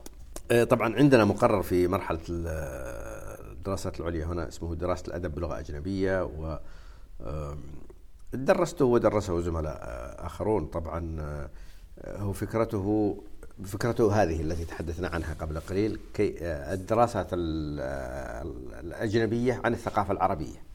الدراسات الأجنبية عن الثقافة العربية. آه، بطبيعة الحال إذا انتقلنا إلى سؤالك كيف نظرت الغرب إلى العرب؟ اولا من الصعب الحديث بشكل عام في هذا المجال يعني ما في شيء اسمه نظرة العرب إلى الغرب. أنت تعرف الآن لو سألنا ما نظرة العرب إلى أمريكا الآن مثلا؟ ستجد العرب يعني مختلفين. في من يراها شيطان ومن يراها صديق ومن يراها آه، يعني آه، حليف جيد من يراها قوية يمكن الاعتماد عليها من يراها ما, ما تصلح من يراها آه، كاذبة مخادعة من يراها إلى آخره. فما تستطيع. لكن لكن دعني أقول إن النظرة العامة في الغرب لدى العرب بأنها آه، ثقافة قوية جدا جدا بغض النظر عن العرب أنا أتحدث عن الثقافة. الثقافة العربية. إيه العرب آه، الآن هم ينظرون لهم من من جوانب أخرى سياسية واقتصادية وامن ويعني وعلاقات وإلى آخره. لكن لكن نظرتهم إلى أن المكون الثقافي للعرب وهو الثقافة يعني المكون للعقل العربي الآن وهو الثقافة التي بنتهم هي ثقافة قوية جدا متينة واسعة متعددة ذات قاعدة بيانات هائلة جدا جدا جدا وقديمة يعني نحن نتحدث عن مصادر مكتوبة من أكثر من ألف سنة. بينما معظم شعوب العالم اليوم كثير من شعوب العالم اليوم ليست لديها ثقافة آه، ليست لديها قاعدة معلومات قوية جدا تعود إلى ذلك التاريخ. قد يكون لديها هنا وهناك والأمم تختلف يعني مثل الصين والهند ربما لديهم يعني إلى حد ما لكن ليس بحجم الثقافة الكبيرة العربية والشاملة أيضا. يعني ودقة تفاصيلها أيضا. صحيح. يعني قد تجد لدى كثير من الأمم مثلا اهتمام بجانب معين بالعلوم أو بالطب أو بالتاريخ أو بالسياسة أو بالعسكرية لكن في الثقافة العربية تجد كل شيء. تجد علميا وطبيا وتاريخيا وجغرافيا واقتصاديا واجتماعيا وأدب رحلة وسفر و, و يعني تاريخ ودين وتحليل ومنطق وفلسفة في كل شيء في كل شيء وتجدها بالمئات إن لم يكن بالآلاف. وتجدها في الشرق والغرب في في تجدها في الجزيرة العربية وفي العراق والشام وفي مصر وفي المغرب العربي وفي الأندلس وفي اليمن وفي غيرها. ف آه، هذه آه، طبعا آه، طبعا نضع أيضا في الاعتبار ملايين الكتب والمراجع التي ضاعت ضاعت بسبب الإهمال أو بسبب هجوم التتار والصليبيين أو بسبب تعرض للحريق أو الغرق أو الكوارث وما شابه ذلك لكن مع ذلك بقيت آلاف مؤلفة إلى الآن المخطوطات هائلة جدا التي لم تحقق إلى هذه اللحظة ونحن في القرن الحادي والعشرين. فلم يجدوا حقيقة لم يجدوا يعني تراثا لأمة بهذا بهذا الحجم. هم حقيقة واجههم سؤال كبير جدا لماذا أمة عندها هذا التراث وهي ضعيفة بهذا الشكل؟ هذا كان غريبا جدا جدا يعني. لماذا أمة لديها هذا التراث القيمي والاجتماعي والثقافي؟ يعني يعني لديها تراث ينظم كل شيء. ومع ذلك المدنية عندهم ضعيفة خلينا نقول. ضعيفين اقتصاديا واجتماعيا ومعرفيا ضعيفين أمم, أمم ضعيفة ميتة. ما الذي جعلها هكذا؟ طبعا بعضهم يجيب على بعض يعني أيضا بسبب بسبب الحروب وعدم الانتظام السياسي يعني لأن الانتظام السياسي يجعل هذا الحاكم يحارب ذلك الحاكم ليستولي على أرضه وذاك يهرب ويستعين بآخرين ويعودون يحاربون هذا ثم يضعف ذاك ثم يضعف هذا لاحقا يكبر أو أو تصبح عنده قلاقل فيتقوى ذاك ويهجم عليه وتتدمر هذه وتلك هذا يحرق وهذا يقتل وهذا. يعني أقرب مثال مثلا من أقرب الأمثلة لن أتحدث عن غزو الكويت. لأنه يعني مع أنه حقيقة مثال معاصر جدا وبأدوية يعني وسائل دمار هائلة جدا كادت تدمر الكويت وأحرقت مصادرها الطبيعية وإلى آخره. لكن سأتحدث قبلها قليلا عن الهجوم على الدرعية. يعني قوة مسلمة وهي القوة العثمانية ممثلة في القوة في في مصر في ذلك الوقت تهجم على أيضا منطقة أخرى مسلمة تشاركها في اللغة وفي الثقافة وفي الدين وكذا وكذا وتدمر تدمرها تدميرا. يعني تدمر مدينتها وتدمر نخلها وتقطع كل شيء وتأخذ الأعلام فيها الساسة والكبار والمشايخ وترحلهم من يقتل ومن يسجن ومن ينفى وكذا وكذا وكذا. طيب أنت الآن تتحدث يعني عن عن عاصمة تتحدث عن عاصمة. الدرعية. إيه عمل بها بهذا الشكل. هذا مثال نعرفه. وطبعا الأمثلة كثيرة ما حدث في بغداد وما حدث في دمشق عندما دخل تيمور عندما دخل قبله المغول إلى آخره. فيعني لو لو بقي ذلك البناء ينمو شيئا فشيئا ولو ببطء لوصل إلى السماء، لكنه كلما بني شيء هدم وأحرق فتشتت الناس وتشردوا وأصبحوا يبحثون عن لقمة عيشهم. والمعرفة تحتاج تعليما والتعليم يحتاج استقرارا والاستقرار يحتاج على الأقل آه، مستوى اقتصادي معين لأنك لن تستطيع أن ترسل أبنائك إلى الدراسة وأنت لا تستطيع أن تعشيهم وتغذيهم. تحتاج إلى أن تؤمن لهم الحد الأدنى من هذا. ف وطبعا كلها مرتبطة ببعضها. فهذه هي طبعا إضافة إلى الدولة العثمانية التي جاءت إلى العالم العربي و آه، يعني كانت لها جوانب سلبية وإيجابية لكن حقيقة بالنسبة للعالم العربي كانت جوانبها السلبية أكثر. آه، أنا لا أتحدث هنا من جانب مناكفة سياسية ولا آه، لأنصر جهة على جهة لكن الحقيقة والتاريخ يقول أنه التأثير واضح. التأثير يعني دعني أقول آه، وأنا دائما أقولها أن الدولة العثمانية لها ميزة حقيقة لا يمكن أن تنكر وهي أنها أبقت العالم الإسلامي متماسكا لا ينهار يعني يصل إلى إلى أو تتخطفه الدول فأبقته جسما. صحيح إنه جسم مفرغ من الداخل يعني تقريبا آه، لكنه من الخارج صلب صلب صلب جدا يصعب اختراقه. آه، بكون لأنها أيضا أصبحت هذه دولة واحدة الدولة العثمانية أصبحت الدول العربية ودول البلقان وتركيا وكثير يعني بعض الدول الافريقيه أصبحت دولة واحدة. فبقيت صامدة لنحو خمسة قرون أو وما فرقت إلا مع الحرب العالمية الثانية ويعني تخطفنا من أي تخطفنا. لكن في الواقع الجانب السلبي هو أن هذا الجسم كان مفرغا من الداخل بالفعل فالدولة العثمانية لم تهتم لا بالتعليم ولا بالإقتصاد هي دولة عسكرية أصلا. فيهمها أن تحافظ على المناطق عسكريا وكذا وكذا. ولكن آه، لكن لم تبني يعني نادرا جدا أن تبني مدرسة أو تبني جامعة أو تؤسس لفكر أو تنشئ شيء. فضعف الناس ضعفا لدرجة أنك في المدينة قد لا تجد واحدا يقرأ ويكتب. أنا ما أقول عالم. في بعض القرى أو أو المدن الصغيرة قد لا تجد واحد يقرأ ويكتب وإذا وجد فرح به الناس تفر أنا والله أذكر يعني ونحن صغار أن فلان يكتب لك رسالة لابنك الذي يعمل في تبوك واللي يعمل في اين يعني قليلة. فالجهل لا يبني شيئا. الجهل لا يبني شيئا. يأتي معه الحروب تأتي حروب القبائل وحروب المدن وحروب الأطراف وحروب الصراعات تأتي التطرف والمذهبية والجهل والشرك والفوضى وال يعني يأتي بكل سوء. فلما استقلت الدولة عفوا استقلت الدول العربية تخطفنا لكن مع ذلك رغم هذا التخطف آه، بدأ العربي كفرد آه، يعني يتحسن وضعه إلى حد ما لأنك الآن أصبحت تبني لنفسك. طبعا الدول العربية اختلفت في هذا لأن في بعض الدول كانت حكيمة. الدول الملكية عموما بقيت مستقرة إلى حد ما حتى الدول التي مصادرها ضعيفة. يعني بقيت أفضل بكثير من دول لها ثروات هائلة لكنها آه، أساءت في استخدام السلطة. يعني الأردن والعراق جنب بعض. الأردن ملكية والعراق جمهورية.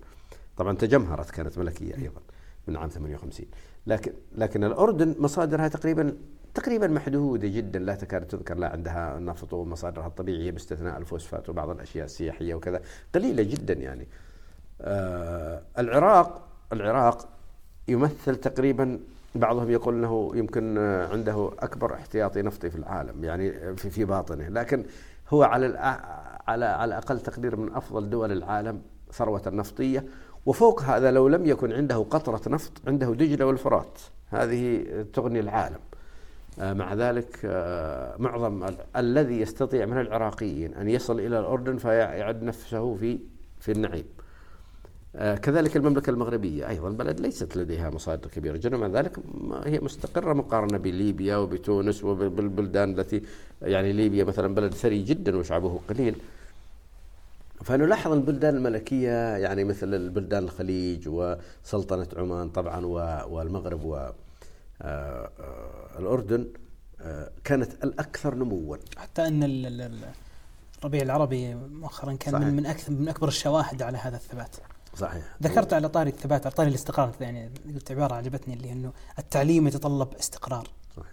آه لأنه أغلب العلوم ما تنفعنا بشكل مباشر. يعني لما نقول فلان راح درس طب شيء طبيعي نحتاج أطباء. صح. نحتاجه بيجي باسرع وقت عشان يصير طبيب. صح. فلان جندي يدافع عنا صح. لكن فلان ليش يدرس لغة عربية؟ أو ليش يدرس رياضيات؟ ليش ليش بشكل مباشر يعني؟ صح. ما ترى لها تأثير مباشر.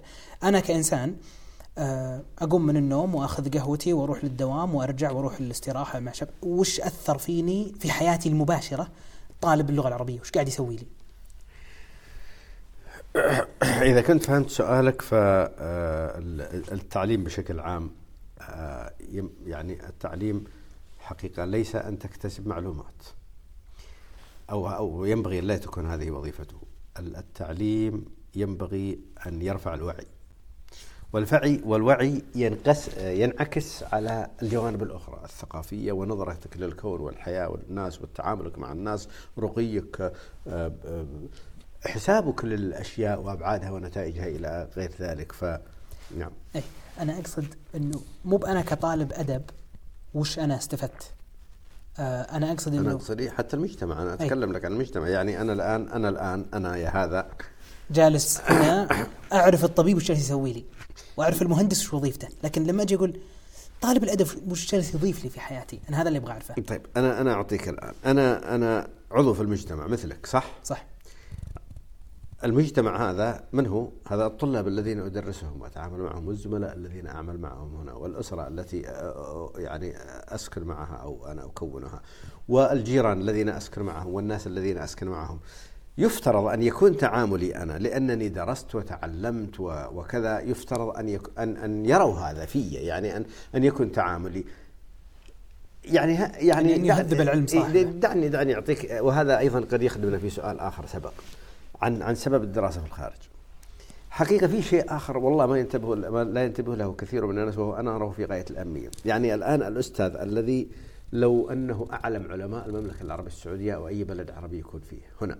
درس هنا مثلا في في المتوسطة والثانوية وبعدين درس في الجامعة الامام وبعدين في جامعة الملك سعود وبعدين في جامعة أم القرى إلى آخره وتخرج وهو دكتور الآن وعنده علم لا ينكر.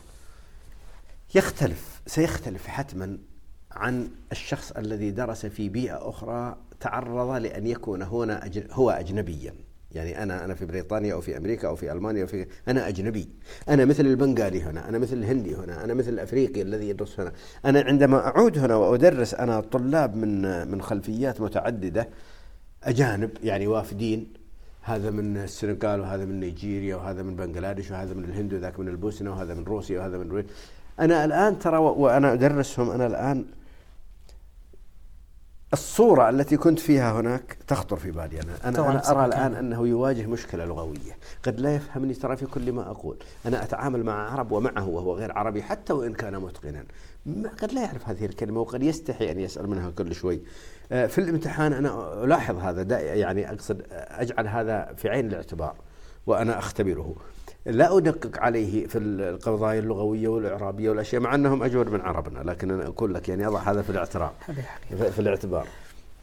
أنه أضع هذا في الاعتبار حتى في تعامله. لما أراه هنا أقول في نفسي ترى يمكن انه ترى يمكن يريد يكلم أحد ومستحي وكذا تبحث عن أحد لا لا والله شكرا. طيب عندك مشكلة عندك شيء. أضع هذا في اعتباري. ليش؟ أنا دائما أتذكر هناك مثلا كل ما مر علي وأنا في بال طيب والله يا أخي لو أروح أكلم الدكتورة أو أنا كانت عندي مشرفة طبعا وكانت لحسن الحظ يعني متفهمة لكن لكن بعض الزملاء والزميلات واجهوا مشاكل حقي مع مشرفيهم أو تعنتا أو أو سوء فهم لدرجة معينة فأصبح أمام إما أنه يقطع بعثته ويعود أو يحول أو كذا. آه، تواجه مشاكل الحياة الاقتصاديه نحن الحمد لله رب العالمين لأننا ننتمي للمملكة العربيه السعوديه أعزها الله وكذا دول الخليج يعني كانت تعز أبنائها ودائما لا تجعلهم. لكن كثير من الطلاب في الغرب آه، ليس في الغرب في أي بلد أجنبي يواجهون مشاكل اقتصادية. يواجه يا أخي يا أخي حتى لو الحكومة تعطيني جزاها الله خيرا مكافأة وسكن وكل شيء آه، يكون آه، والدي تعرض لكارثة في بلده ويحتاج آه، عليه دية أو عليه مبلغ ضخم لازم أن فأنا أحتاج أساعده أنا الآن. فأرسل له أنا مكافأتي عمليا مكافأتي لا يبقى منها ريال. والناس تعرف أن عندي مكافأة فهو مبسوط. في الواقع أنا والله ما أس... لي يومين ما أكلت. تفكر في هذا الجانب لأنك كنت فيه في يوم ما. فهذا أيضا أحد الأشياء التي ربما تنعكس وهذا أيضا يجمع لنا بين السؤالين. لماذا؟ ما الفوائد التي تدرسها في الخارج؟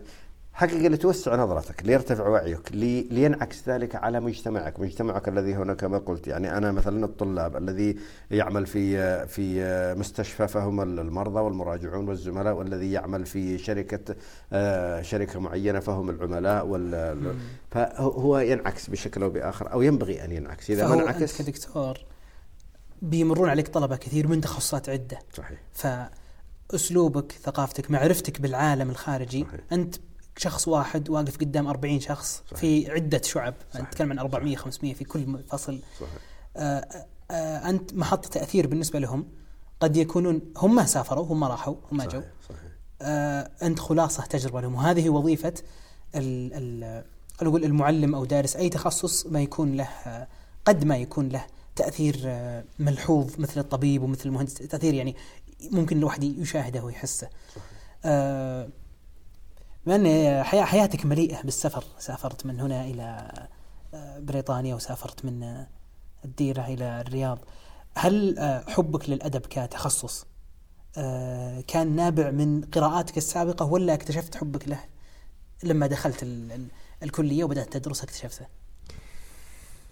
أه سأعود إلى مسألة الأدب وحبي له وكذا لكن أه يعني أقصد أدب الرحلات طبعا. أدب الرحلات. لكن أنا حقيقة لفت نظري سؤالك السابق وهو حقيقة جدير بأن نفكر فيه كثيرا وهو بالفعل ماذا أستفيد أنا كمجتمع من فلان الذي آه الذي وماذا يستفيد هو حقيقة وكيف ينعكس ذلك على محيطه ومجتمعه وأسرته وقريبه يعني نحن قد نرى طبيبا. الطبيب هذا هو هو ما يسمى ملائكة الرحمة الذي هو جانب إنساني في المقام الأول يتعامل مع نفس بشرية حياة وموت وصحة وكذا وكذا. لكن لا يخفاكم أن هناك أطباء حقيقة ليس لديهم إنسانية.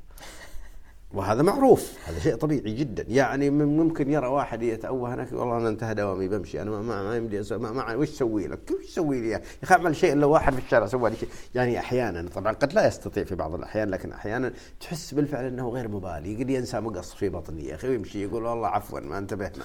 ف يعني قد قد تجد طبعا أنا لا أتكلم بالعكس معظم الأطباء هم في قمة الرقي لكن أنا أقصد قد يوجد. فهذا الذي هذه الأقلية هذه لم تستفد حقيقة ولم نستفد منها. خسر حسافه على اللي دفعناها حتى في طبها. والله في طبها. هذا مثل اللي يقول لك آه، آخر واحد تخرج في كلية الطب. وش تسميه؟ طبيب. اي صحيح طيب يظل طبيب يعني صحيح. أنت متورط فيه. اي والله اي والله. محسوب عليك. صحيح صحيح بالضبط. مثل مثل واحد آه، دخل الدكتوراه لازم ياخذ دكتور بعدين لازم ياخذ دكتور ويصبح دكتور مع إنه آه، ما تحط على خمس من الغنم. يعني قد تجد أيضا آه، مثلا مربي مربي هذا في التربية وفي كلية التربية وفي جامعة في في يعني مؤسسة عفوا وزارة التربية وفي شيء. وهو في الواقع يحتاج تربية. قد تجد ابا هو والله أن طفله أو ابنه اعقل منه.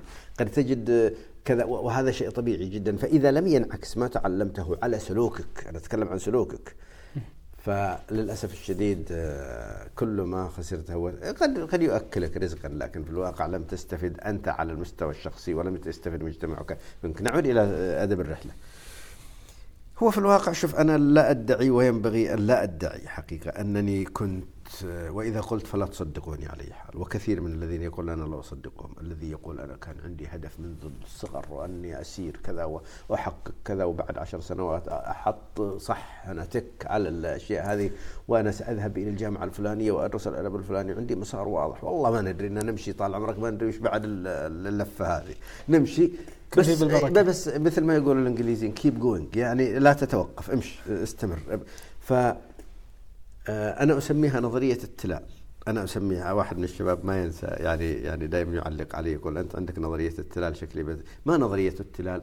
نظرية التلال أتخيل نفسي في صحراء أمشي وقبلي تلة أمامي تلة هناك. فأنا هدفي أني أصل لتلك التلة.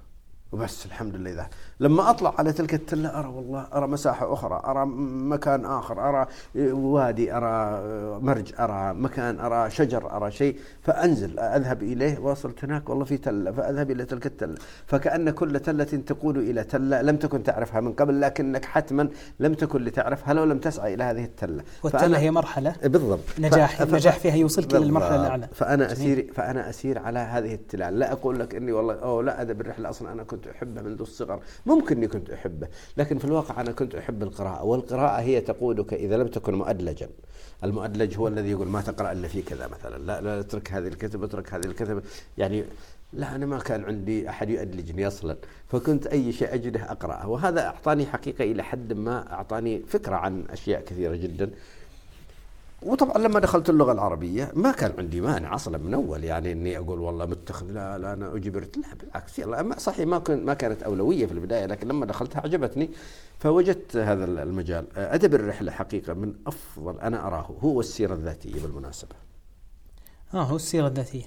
هو السيرة الذاتية لكن أدب الرحلة يعني السيرة الذاتية إلى حد ما إلى حد ما يعني دعني أقول تتمحور أو تدور حول الشخصية التي آه، هي صاحبة السيرة، وإن كانت فيها من المفاجآت التي لا يمكن أن تتخيلها أيضا، لأنك أيضا هذا الشخص عاش في حياة وراح وسافر ونزل وطلعوا وسقطوا وقاموا ونجحوا وأخفقوا إلى آخره. لكن الرحلة أدب الرحلة لا أدب الرحلة حقيقة يتمحور حول لا شيء. هو أدب الرحلة لا أنت لا يمكنك أن تتنبأ. لو أعطيتك خمس كتب رحلات وأعطيتك العنوان لا يمكنك أن تتنبأ ما في داخل هذا الكتاب مطلقا مهما تقول لو كنت كاهن. أكرمك الله من يسمع. زين ما يمكن. لأنك ما تدري هذا ماذا قابل. ماذا قابل؟ يمكن سجن. يمكن إنها وضع قاضي. هناك مثل ابن بطوطة راح الهند وضعوه قاضي ثمان سنوات وراح المالديف وضعوه قاضي. يمكن إنها وضع مدرس يمكن إنها اتهم بتهمه وتعرض لمشكلة يمكن إنها تزوج هناك وأنجب يمكن إنها سعد وكذا وكذا يمكن إنها عمل تجارة يمكن إنها واجه مشاكل عنصرية يمكن إنها يعني ما تدري بالضبط حتى طريقة أسلوبه عرضه للأشياء وللقصص والمواقف الطريفة وتختلف من شخص لآخر وتخضع لثقافة الشخص أيضا ف... ف... لأن دائما قصة. يعني أعتقد أنه إذا بختصرها أنه دائما السيرة الذاتية تركز نظرتها داخلية على الكاتب بينما آه، في الأدب الرحلات يتجرد يعني نسبة كبيرة مو تماما لكن يتجرد الكاتب من توثيق حياته هو قدر ما يوثق المجتمع أو الحياة المحيطة اللي فيه وكسرد قصصي إذا كانت أصلا قصتك مبنية على أساس إنك قابلت ناس جدد ليست بيئتك فهذا بحد ذاته سيخلق يعني الصدام هذا بحد ذاته سيخلق أحداث غريبة وما تقدر تتوقعها. صحيح صحيح. يمكن الفرق حقيقي بين السيرة الذاتية والرحلة، السيرة الذاتية أساسا قائمة أساسا على أن هذا هو المحور وهو يبحث عن الأشياء التي تدور حوله. ماذا صحيح. واجهت؟ ماذا فعلت؟ ماذا فعلت؟ أدب الرحلة لا ليس هو المحور. هو نفسه لا يدري ماذا سيواجه فهو يكتب عن كل ما يواجه. صحيح أنه يكتب عن كل ما واجهه هو لكن ليس بالضرورة ترى ما واجهه هو. يعني مثلا قد تصل إلى إلى بريطانيا مثلا وتعلم في بريطانيا أن آه، مثلا آه، بالحرب التي طبعا نتكلم عن الماضي. الماضي ما في وسائل إعلام. لما تصل إلى بولندا دعني أقول إلى بولندا تكتشف أن فيها أقوام جديدة جدا تجينا كل يوم من أين جايين هذه؟ هذه جاي من بلد اسمه أوكرانيا جارنا. وش فيها أوكرانيا؟ هذه فيها حرب جاي من روسيا، نحن هنا ما ندري عن هذا الكلام كله.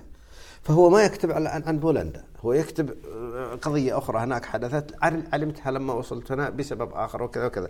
أيضا قد يكتب عن جانب تاريخي، هو لم يعاصره ولم يره ولا شيء لكنه مرتبط بشكل ما، لما يأتي إلى بريطانيا مثلا ويجد الاحتفالات بالبوكسن دي ما هو بالبوكسن دي هذه شو اسمها؟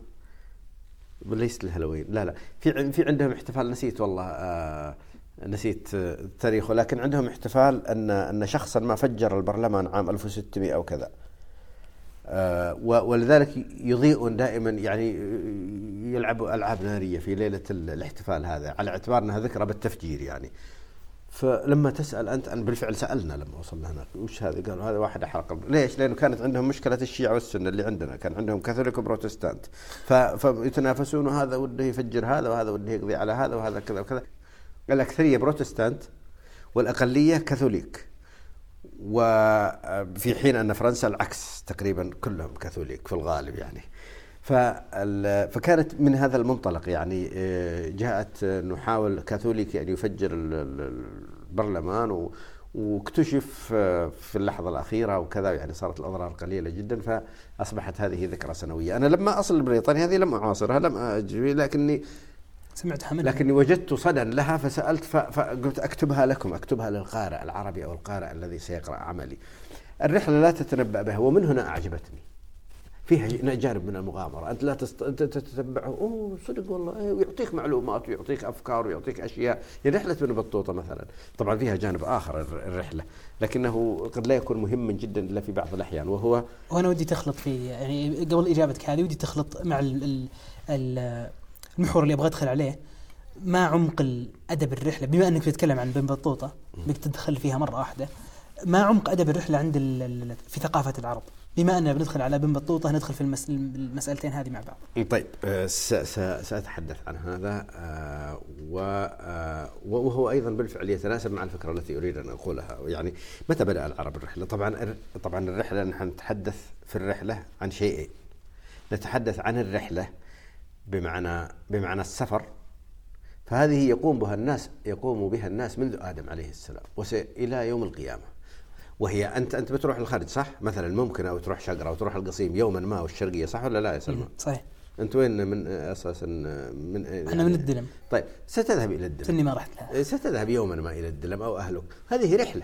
صحيح. هذه رحلة. أنا إذا ذهبت إلى جدة أو ذهبت إلى مكة للحج أو العمرة أو ذهبت إلى الزميل اللي في القصيم والشرقية أو كذا هذه رحلة. هذا مجرد السفر هو رحلة. الكتابه عنها شيء ثاني. ليس كل من سافر يكتب. صح, صحيح ولا لا؟ صحيح الكتابة عنها هذه قضية هذه هذه هذه هي هذه كتابة السفر. طبعا كتابة السفر نوعان أيضا أدب وغير أدب. يعني ليس كل من كتب عن رحلته يعد أدب رحلة.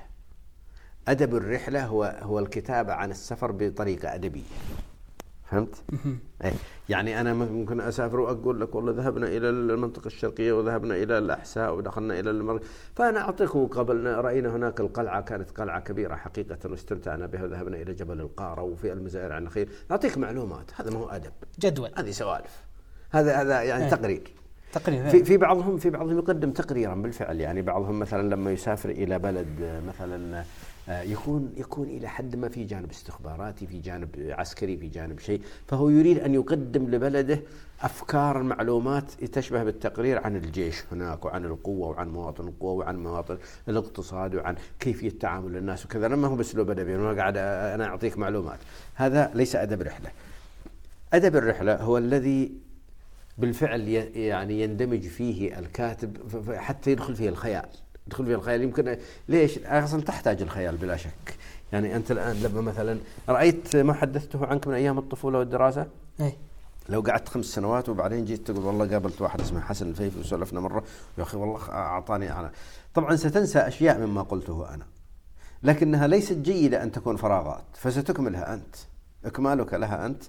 إكمالك لها هو هو الخيال. هو جزء من الخيال. أي انت بل بل هو خيال. أنت تتخيل والله هي تصلح أن تكون كذا صراحة. يعني أتوقع ما أدري والله هو قال درس الماجستير في الإمام أو في الملك سعود هو درس في واحدة الماجستير وواحد البكر يوسف. فأنت ب... لكي لا تقعد تفكر للرجال وذا يشك فيك أصلا. تاتي بها كأنها قصة متماسكة بينما في الواقع فيها تسديد.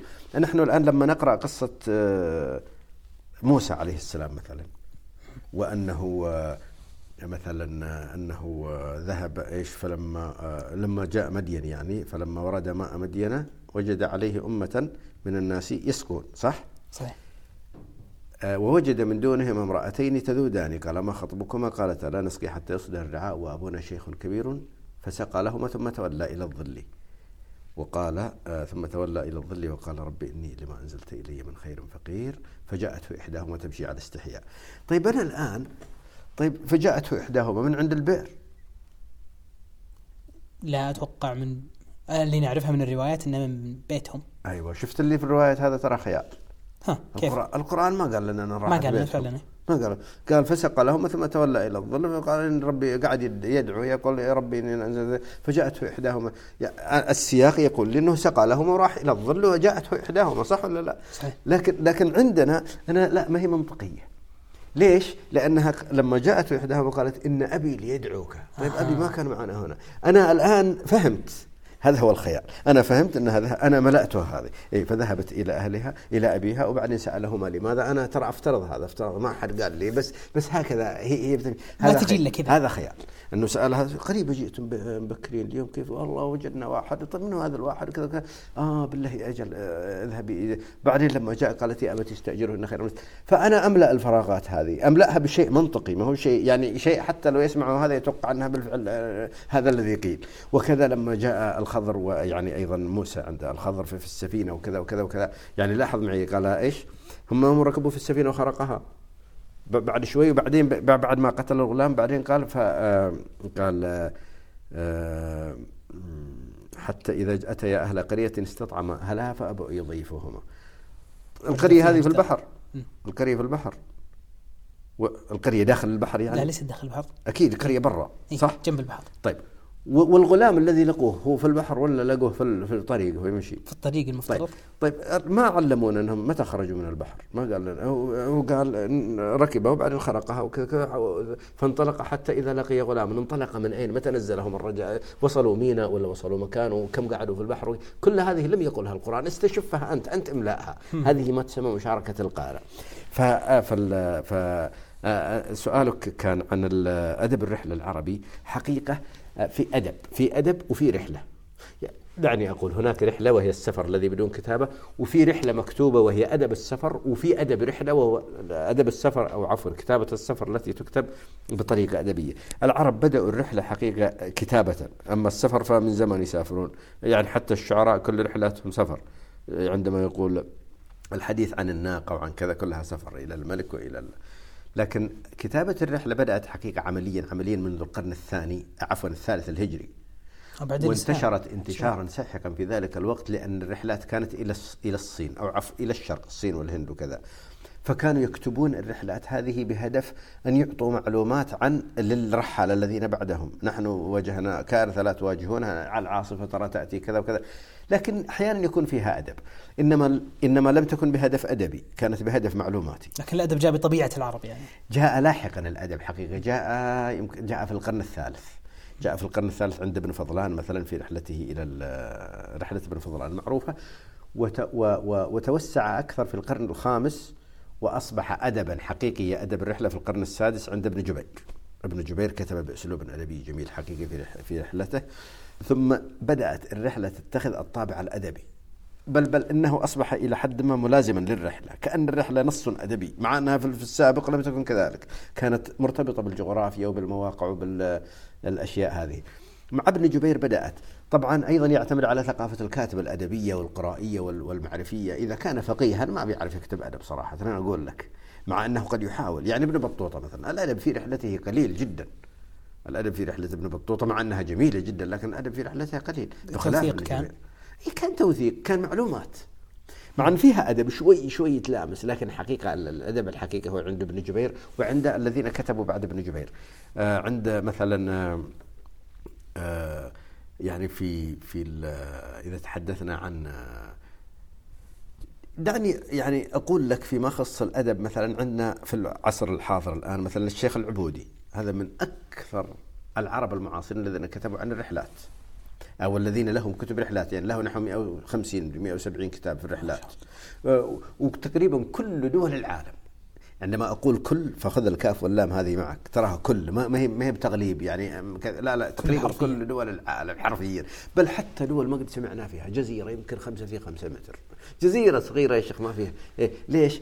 لأنه كان موظفا حكوميا. يرسله الملك في في في مهمات كان منظمة المؤتمر الإسلامي أو رابطة العالم الإسلامي أو كذا فيذهب ليعطي تقارير ويساعد المسلمين وينظر احتياجاتهم ويبني مساجد ويؤلف بين بعض الطوائف الإسلامية وينظر بعض الشعوب الإسلامية ما يعني ما تتوقع أن يأتيها من السعودية أحد فرحت بهذا حقيقة معظم ما كتبه العبودي هو تقارير. وأنا حقيقة لا أقلل من عمل العبودي ترى العبودي مثقف كبير جدا وكذا لكن حقيقة ليست أولوية عنده أن يكتب أدبا. هو هو يريد أن يكتب معلومات وبعدين استغل فترة استثمر فترة يعني هذه الزيارات الكبيرة وما يراه فكتبه. العبودي كتابته تفصيلية بشكل بعضهم يراه مملا. ربما سمعتم أحيانا في الإذاعة آه، بعض حديثه. يعني كأن كاميرا كأن كاميرا كذا تمشي الله يحفظه ويعطيه الصحة والعافية يختم له بخير يركز في كل شيء. يا رجل يقول لك كنت في الطائرة وجاء ذباب على نافذة هنا داخل وقعد نطارده وكذا وكذا. أنا طبعا لا أقلل ولا أسخر بالعكس هو شيخنا وأمامنا وقد جاء هنا واستضفناه بشرف وكرامة لكن أنا أصف العمل. دقة العمل. دقة بشكل لا مثيل له. وخرجنا ووجدنا شخصا وكذا وكذا يعطي يعني تفاصيل عديدة جدا جدا. وطبعا ترى كثير من الناس يستمتع بهذه التفاصيل. ترى كثير من الناس ما يبغى يعبئ الفراغات يبغى تعبئ له. فهذه يعبئ له كل الفراغات خصوصا إذا نبغى أسمع عن رحلة سفر لمكان أنا لن أذهب له أيوه صحيح. أنا ما أبغى اختصار. أيوه بالضبط. بعض الناس بالفعل يريد التفاصيل خلني أنا أريد بالعكس نمنا إلى الساعة السابعة. لا والله ليست السابعة ترى السابعة و13 دقيقة كذا. طيب ترى ما تفرق معي يعني لكن لا هو يعطيك كذا وكذا. ف هو تفصيلي بشكل كبير جدا. لكن الأدبية ليست كثيرة حقيقة عند العبودي ولذلك يأتيني بعض الطلاب يريد أن يسجل في رحلاته مثلا رحلة أدب العبودي إلى إريتريا مثلا أو إلى أفريقيا أو إلى كذا. أقول له آه، أولا اقرأ هذه الرحلات فإن رأيت فيها أدبا لأنه أنا أخشى أن يتورط يأخذ كتابين ثلاثة ما يلقى يقعد يتكلف هذه هي أدبية تعني لا ما هي أدبية لا تغصبها فأنا أريد أن يعني آه، ينظر إلى الجانب الأدبي لكن آه، لكن آه، مثلا إذا تحدثنا عن رحلات العصور ما نسميها بالعصور المظلمة في العصر العربي هي حقيقة من أجمل الرحلات أدبيا مثل رحلات عبد الغني النابلسي مثل رحلات محمد كبريت الحجازي مثل رحلات آه، رحلة إبراهيم آه، الخياري رحلة ابن معصوم فيها أدب وفيها شعر وفيها صور خيالية فيها تشبه إلى حد ما تذكرني والله بكتابات ابن زيد الأندلسي التي فيها من كل يعني من كل يعني فيها اقتباسات وفيها قرآن وفيها شعر. طبعا لا تأتي بالقرآن يعني لا تأتي بالآية هي تأتي توحي لك بالآية. نعم. تشعر فيها يعني آه، إيش تلميحات لا لا لا تشعر فيها استدعاء ثقافي. آه يعني يقول لك مثلا مثلا آه، ذهبنا إلى قرطبة ولبثنا فيها عدد سنين وكذا وكذا. يعني خلاص واضح إنها إنها يعني آه، آه، قرآن. أو مثلا يقول مثلا جاءتنا الشمس مثلا يقول تزاور عن كهف. إيه تزاوروا تزاوروا عن هو ما يقول عن كهفنا يقول تزاوروا عن بيتنا مثلا اي مثلا تزاوروا عن بيتنا يمينا وإذا إلى آخره. فيعطيك هذه الأشياء والأمثال والحكم وكل شوية يأتيك بيت شعر ويأتيك فتجدها خ... تجدها مزيج. من الثقافة العربية الأدبية بشكل وفيها استعارات وكنايات وتشبيهات لا شك. فهذه هذا أدب الرحلة. ولذلك أنا في الغرب ترى يسمونه travel writing travel writing عموما. travel writing يعني أدب أو عفوا كتابة السفر. كتابة السفر. لكن لكن عندهم مصطلح آه اللي هو travel literature اللي هو أدب الرحلة. لكنه أيضا مح يعني محدود. إذا كان فيه literature صدق يعني أدب. فهذه هذا كان ياخذني ل آه، نقطة اللي بما ان دخلني وصلتنا لل travel writing أو يعني كتابة السفر. فالآن لو الواحد يبغى يوثق السفر أو يعني آه، خلينا نتكلم عن الموجود حاليا في في التراث اللي يدرس. وش بشكل سريع يعني أهم المحاور اللي آه، أو أهم القوالب اللي يكتب بها، يعني عندك مثلا أعتقد إنه في كتابة الأحداث اليومية بالتفصيل الدقيق هذا قالب وأسلوب. آه، طبعا لو نرجع للمحور السابق يعني آه، تكلمنا عن إنه الفرق بينه وبين السيرة إن السيرة تقريبا قالبها ثابت. يعني تسلسل زمني في الغالب. آه، ومحاور واضحة ومتوقعة. هنا ذكرنا إنه الأدب أو أدب الرحلات يعني يفاجئك لأن الرحلة بطبيعتها مفاجئة. لكن هل في قوالب عامة تجدها يعني قوالب أسلوبية عامة ثلاثة أو أربع قوالب تجد عليها يعني تسلك فيها أغلب المؤلفات؟ والله يعني ما ودي أني أحسم في هذا الموضوع لأني حقيقة اولا لا أعلم كثيرا وثانيا لكني دعني أقول طريقة كتابة الرحلات حقيقة تعتمد على يعني عدة استراتيجيات. في هناك هناك أحيانا بعضهم يدون كل ما يعني كل ما أراد أن يكتبه يدونه فورا. يعني لما آتي عندك مثلا كذا أكتب الآن في ملاحظتي إني قابلت آه، فلان الفلاني آه، سلمان عيد وتحدثنا آه، عن أدب الرحلة وكذا وكذا وبعدين أجمع هذه المذكرات لاحقا وأكتبها. وبعضهم لا. إذا عاد في المساء إلى بيته دون ما فعل ما تذكره من أفعال اليوم. وبعضهم هذه استراتيجية. الاستراتيجية الأولى هي المذكرات اليومية. وأيضا وهي لحظية. يعني أنا لما نزلنا في الفندق الفلاني وسكننا هناك وبعدين ركبنا مع سيارة اجره واكتشفت أن ذلك الشخص مع أنه يبدو اوروبيا لكن في الواقع هو عربي وبعدين اكتشفت أنه سعودي هكذا يعني أحداث يومية. وبعدين آه، أجمع هذه المذكرات وأصوغها بطريقتي لاحقا. بعضهم لا والله أنا قاعد أكتب أنا بستمتع وأتفرج وكذا وكذا. وإذا عدت إلى المساء تذكرت النقاط المهمة وكتبتها. وبعضهم يركز على التفصيلات الدقيقة جدا جدا كما قلنا وبعضهم لا. لا يقول أنا لو ركزت على التفصيلات أخذ مني عشرة مجلدات هذه الرحلة اللي ما أخذت شهر. يعني لكن لا أنا سأكتب على الأشياء المهمة وأقفز قفزات كبيرة. يعني القارئ ما يهمه أني رحت عشيت في مطعم وأعطانا ذاك سمك وبعدين غيرناه وكذا. ما, ما يهمه كثيرا يهمه الأشياء. ف آه، الاستراتيجية الثالثة وهي استراتيجية آه، أني لا أكتب مذكرات لا أثناء يومي ولا إذا عدت إلى المنزل أسافر وإذا عدت إلى أرضي أو إذا انتهيت من الرحلة تماما أكتب ما تذكرته اعتقادا من هؤلاء بأن ما علق بالذاكرة بعد هذه الرحلة هو ما يستحق أن يكتب خصوصا أحيانا ألاحظ أنا لما أسافر وأرجع إيه؟ أجد أنه لما أسولف على شخص م. وشخصين ثم الثالث ثم الرابع بسالفة ممتعة جدا في إيه، السفر إيه؟ تجد أنه أسلوبي في سرد القصة في وقفاتي وفي في أيوه. أيوه. آه تجزئة القصة عشان أحطه في البداية والنهاية تجد أنها تتحسن مع كل شخص اقوله بالضبط بالضبط فهنا تقول خلاص هذه أسهل إني أوثقها إنه اللي اللي علق في الذهن وسردته كذا في أيوه. في سرد قصصي جميل صحيح. أكتبه وانتهى الموضوع هذا هو الكلام هذا هذه استراتيجية وأنا والله إلى حد ما أميل إليها لكنها حقيقة تفقدك يعني سأعطيك عن سلبياتها مع أنها حقيقة لها ميزة لأن وهي منطقية إلى حد ما. نعود للمنطق.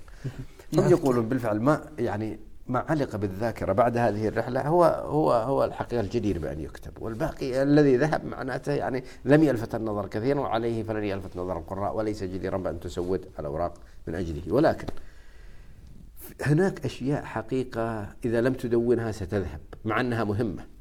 يعني مثلا لو أردت مثلا أن أن أذكر اسم الشخص الذي قابلته وقال لي اسمي آه، مثلا آه، جورج تايلر أو اسمي مثلا آه، عبد الله الحسن.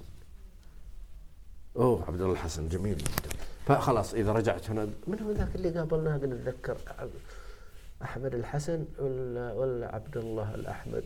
والله ضاع الآن بضطر أملأ فراغ بس إني بملا باسم كذب يعني. المعلومات الدقيقة ما يصلح فيها تملأ فراغ.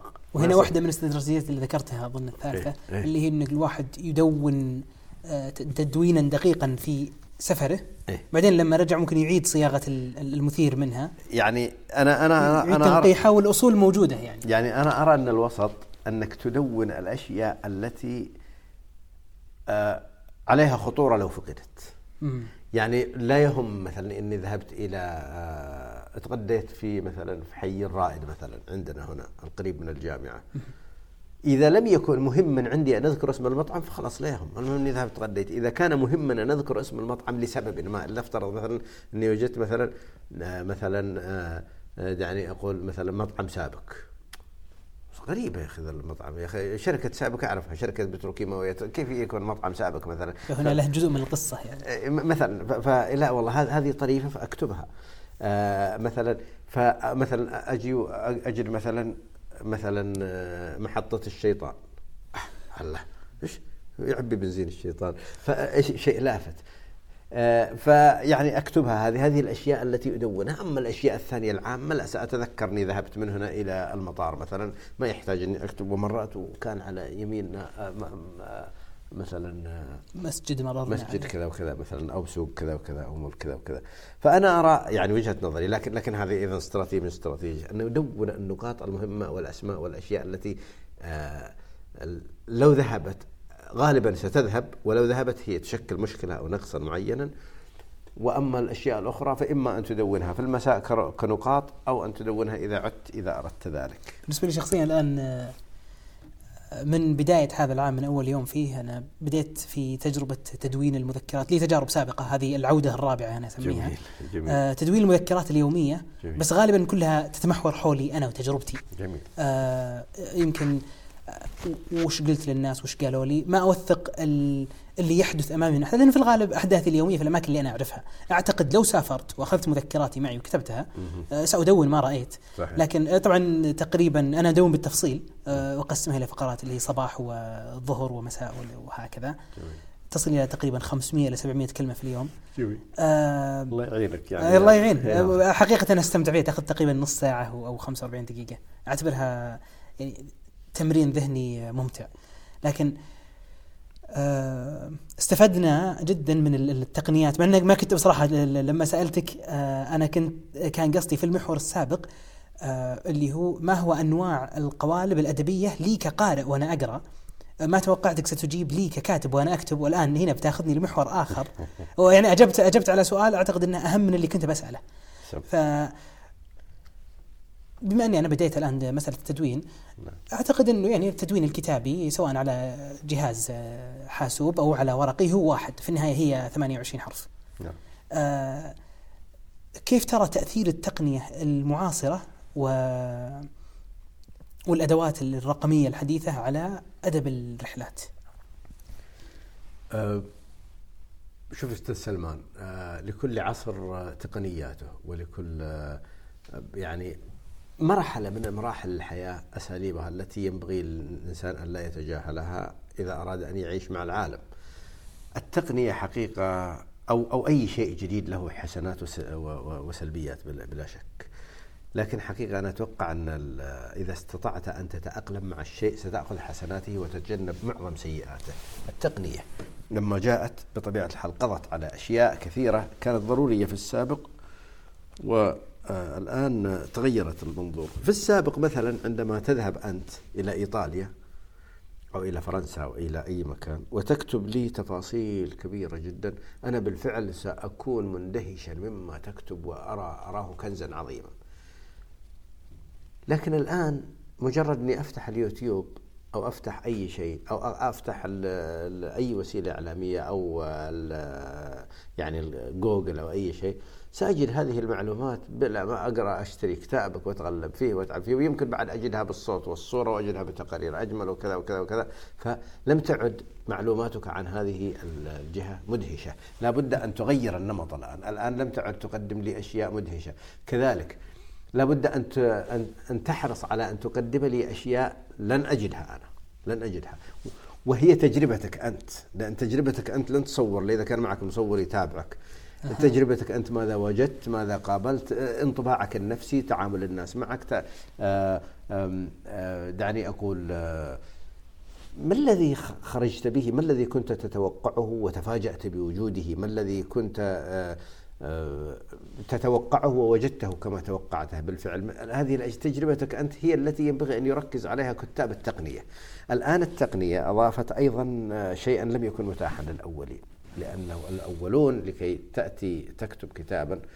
الكتاب ليس سهلا عليه لا في الماضي ولا في الحاضر. يعني تحتاج إنك تجمع أوراق وتجمع تجد لك مكان معين وبعدين تؤلفه يوم بيوم بعد إذا أخطأت في الصفحة رقم 60 تأثر لك في السابق وتأثر لك في كذا. والمسح صعب والتعديل التغيير صعب وبعدين تبحث لك عن ناشر وهذا الناشر يحتاج تغلفه بالطريقة هذه وتنشر بالطريقة هذه ومن يشتريه وين نوزعه. قضية طويلة عريضة.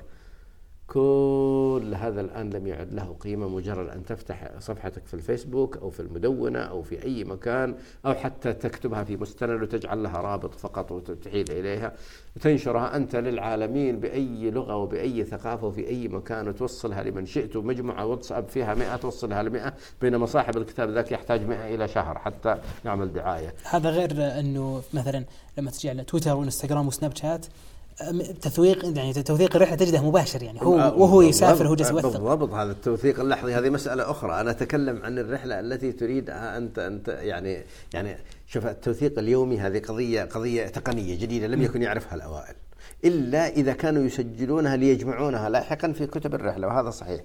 لكن آه، عندما كنت أنا أقصد أنا أقصد أنا لن أستطيع أن أعرف ماذا فعلت أنت في الماضي يعني في الماضي اليوم. لن أستطيع أن أعرف ماذا فعلت اليوم إلا إذا أخبرتني به لاحقا. بينما الآن في التقنية الجديدة أستطيع أن أعرف ماذا فعلت اليوم الآن. وماذا تفعل؟ وأنت في أي مكان. يعني ليس بالضرورة أن تكون معي ولا تخبرني لاحقا إذا بثثت طبعا. لكن لكن الآن في التقنية حقيقة أستطيع أن ازيل أن أغير أن أبدل حتى أن أعود للنص. في السابق لما لما أقول مثلا المملكة العربية السعودية مثلا تحدها من الشمال مثلا آه، آه، سوريا. يأتي شخص أنا كنت فاهم كذا بأن يأتي شخص يقول لا يا أخي ترى سوريا ما تحد سوريا ليس لها حدود مع المملكة العربية السعودية. مشكلة ما أد... لم أعلم بهذا لو قد وزعت الكتاب من شهر كذا وراح عند الناس اقد ألحقهم أساس ما أدري عند من الكتاب. بينما الآن أدخل فقط على صفحتي وأسوي تعديل وانتهى الموضوع. فالتصحيح تلقائي وسريع ومذهل و...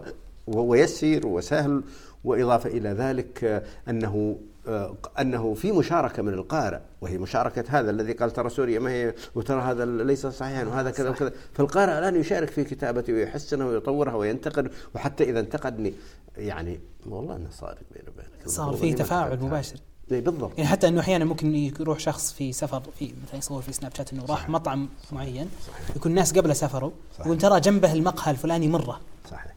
فيوثق لهم. لاحظ إنه فعلا كما قلت إنه يعني آه، التركيز الآن صار على القصة اللي بتحكيها وعلى ال ال الرسالة اللي بتوصلها أكثر من التركيز على الأشياء لأنه الأشياء أنا أقدر أطلع عليها انت ما تحتاج تقول لي إلا إنه أنا تغديت في المطعم الفلاني هذه المعلومة اللي أحتاجها فقط لأنه صحيح. أنا في جوجل مابس أطلع صحيح. اسم المطعم بما إنك ذكرته لي صحيح. وتقييمات الناس صحيح. له وش فيه وصوره وشكله سكنت في الفندق الفلاني فركبت كذا وكذا فعلت كذا وكذا صحيح ف يبقى التركيز يعني إذا أنت بتطلع لي مجلد المؤلف السابق بيطلع لي مجلد هو بيركز على الأحداث والأشياء والأفكار أنت مالك إلا الأحداث يعني يعني حتى الأحداث آه، قلنا إنه في فرق بين توثيق الأحداث وتوثيق السفر أو آه، توثيق آه، توثيق الأحداث وأدب الرحلات يفرقون. فأنت الآن لازم تركز 100% في مجلدك هذا على الأفكار.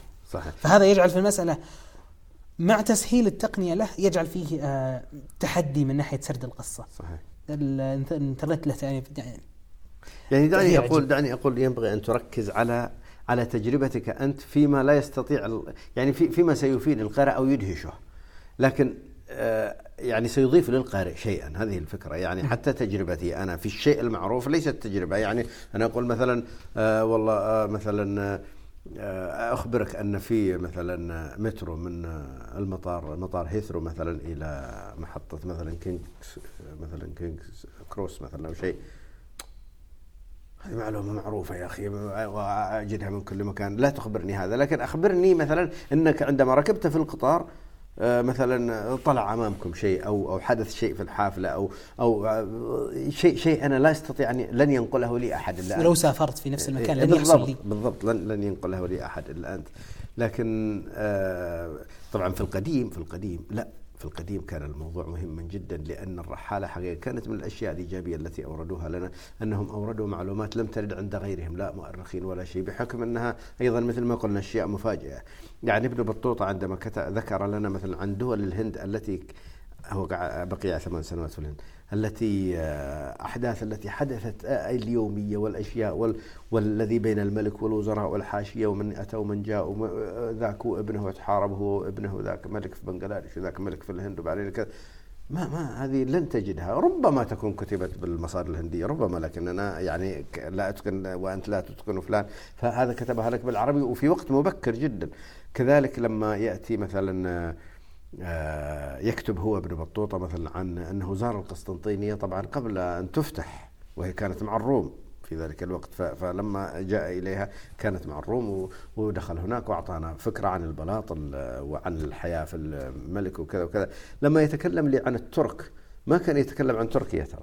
الترك كانوا في آسيا أصلا. هناك في كازاخستان وتلك المناطق وكذا. فيتكلم عن الترك في موطنهم الأصلي قبل أن يهاجروا جنوبا إلى يعني إلى الشرق الأوسط الآن أو ما يشبه الشرق أو ما يسمى بالشرق الأوسط. فلكن الآن لا. شوف في واحد حقيقة من الشباب وهم كثر بالمناسبة. كتابته أدبية راقية جدا جدا وكان يكتب سفراته في في الفيسبوك وأنا قد اطلعت عليها. وأنا يعني أعرفه حقيقة تواصلت معه لاحقا ليعيد لي تلك الصفحات لأني فقدتها.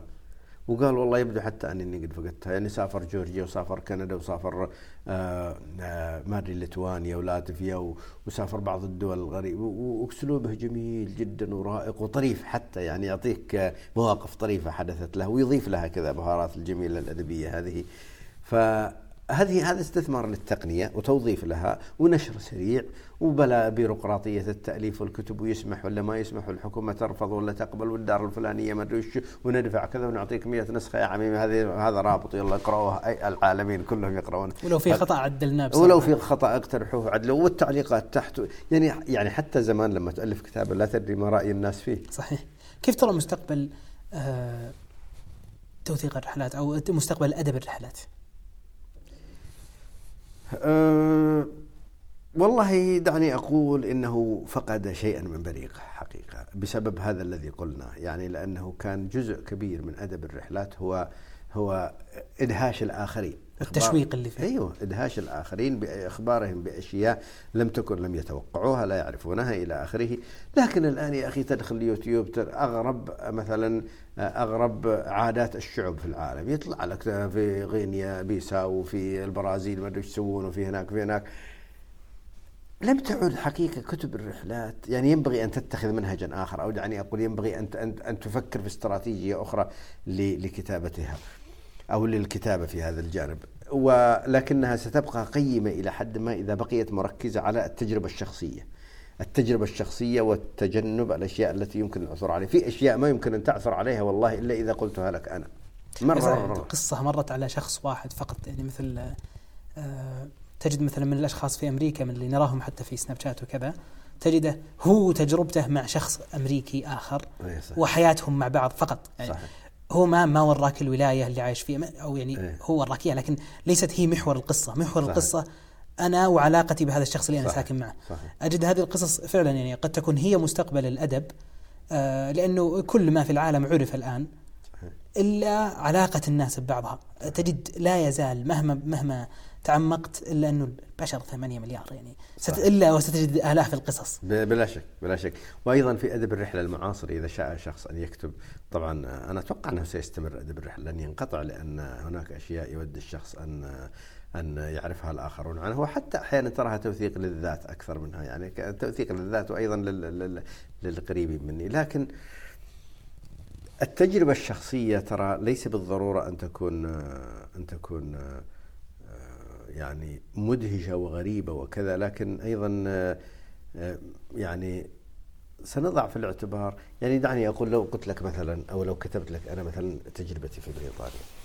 ترى ليس بالضرورة أن لا أشير إلى المترو الذي قلته لك وأن لا أشير إلى الجامعة الفلانية والجامعة الفلانية لكن بشرط إما أن أشير إليها فقط كإخبار بأنني مثلا ذهبت إليها.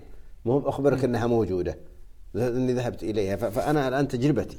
فأنا اديت أديت غرضين يعني اديت علمتك إنها موجودة. أيوه. وعلمتك إني أنا ذهبت لها. بالضبط لكن لكن آه كونها موجودة هذا ليس مهما لأنها معروف إنها موجودة وسيجدها الشخص. لكن قد تكون مهمة في حال مثلا لو قرأنا كتابا قديم يعني. أي لابن بطوطة مثلا وقال ابن بطوطة إنه مررت على المبنى الفلاني صحيح. اللي بنوه. صحيح. فتقول يعني أنا مثلا كباحث في التاريخ أستفيد أقول إنه هل هذه الكنيسة بنيت في القرن هذا ولا هذا؟ صحيح. أوه لا والله بنيت في هذا لأنه فلان وثقها صدقت صدقت مع أنه صدقت ما كان ينوي توثيقها للإخبار. صحيح.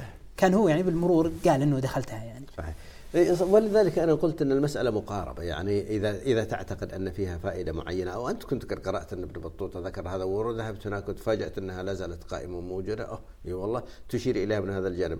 لكن إشارتك لها قد لا تخلو من فائدة إنما أقصد أن تجربتي أنا هي في الذهاب إلى الجامعة ووجود كذا وكذا أو الذهاب إلى محطه القطار هذه أو الذهاب إلى أو حتى ذهابي إلى المطعم ليس إخبارا للمطعم بقدر ما هو تفاجئي مثلا من أسعاره أو تفاجئي مثلا من طبق معين يقدمه. لم أتوقع أن يكون مقدما هناك مثلا. افترض افترض أني ذهبت إلى مطعم مثلا في في البرازيل مثلا مطعم برازيلي يعني وليس وليس عربيا في البرازيل مطعم برازيلي مثلا واستعرض قائمتهم كذا واكتشفت منها مثلا مرقوق.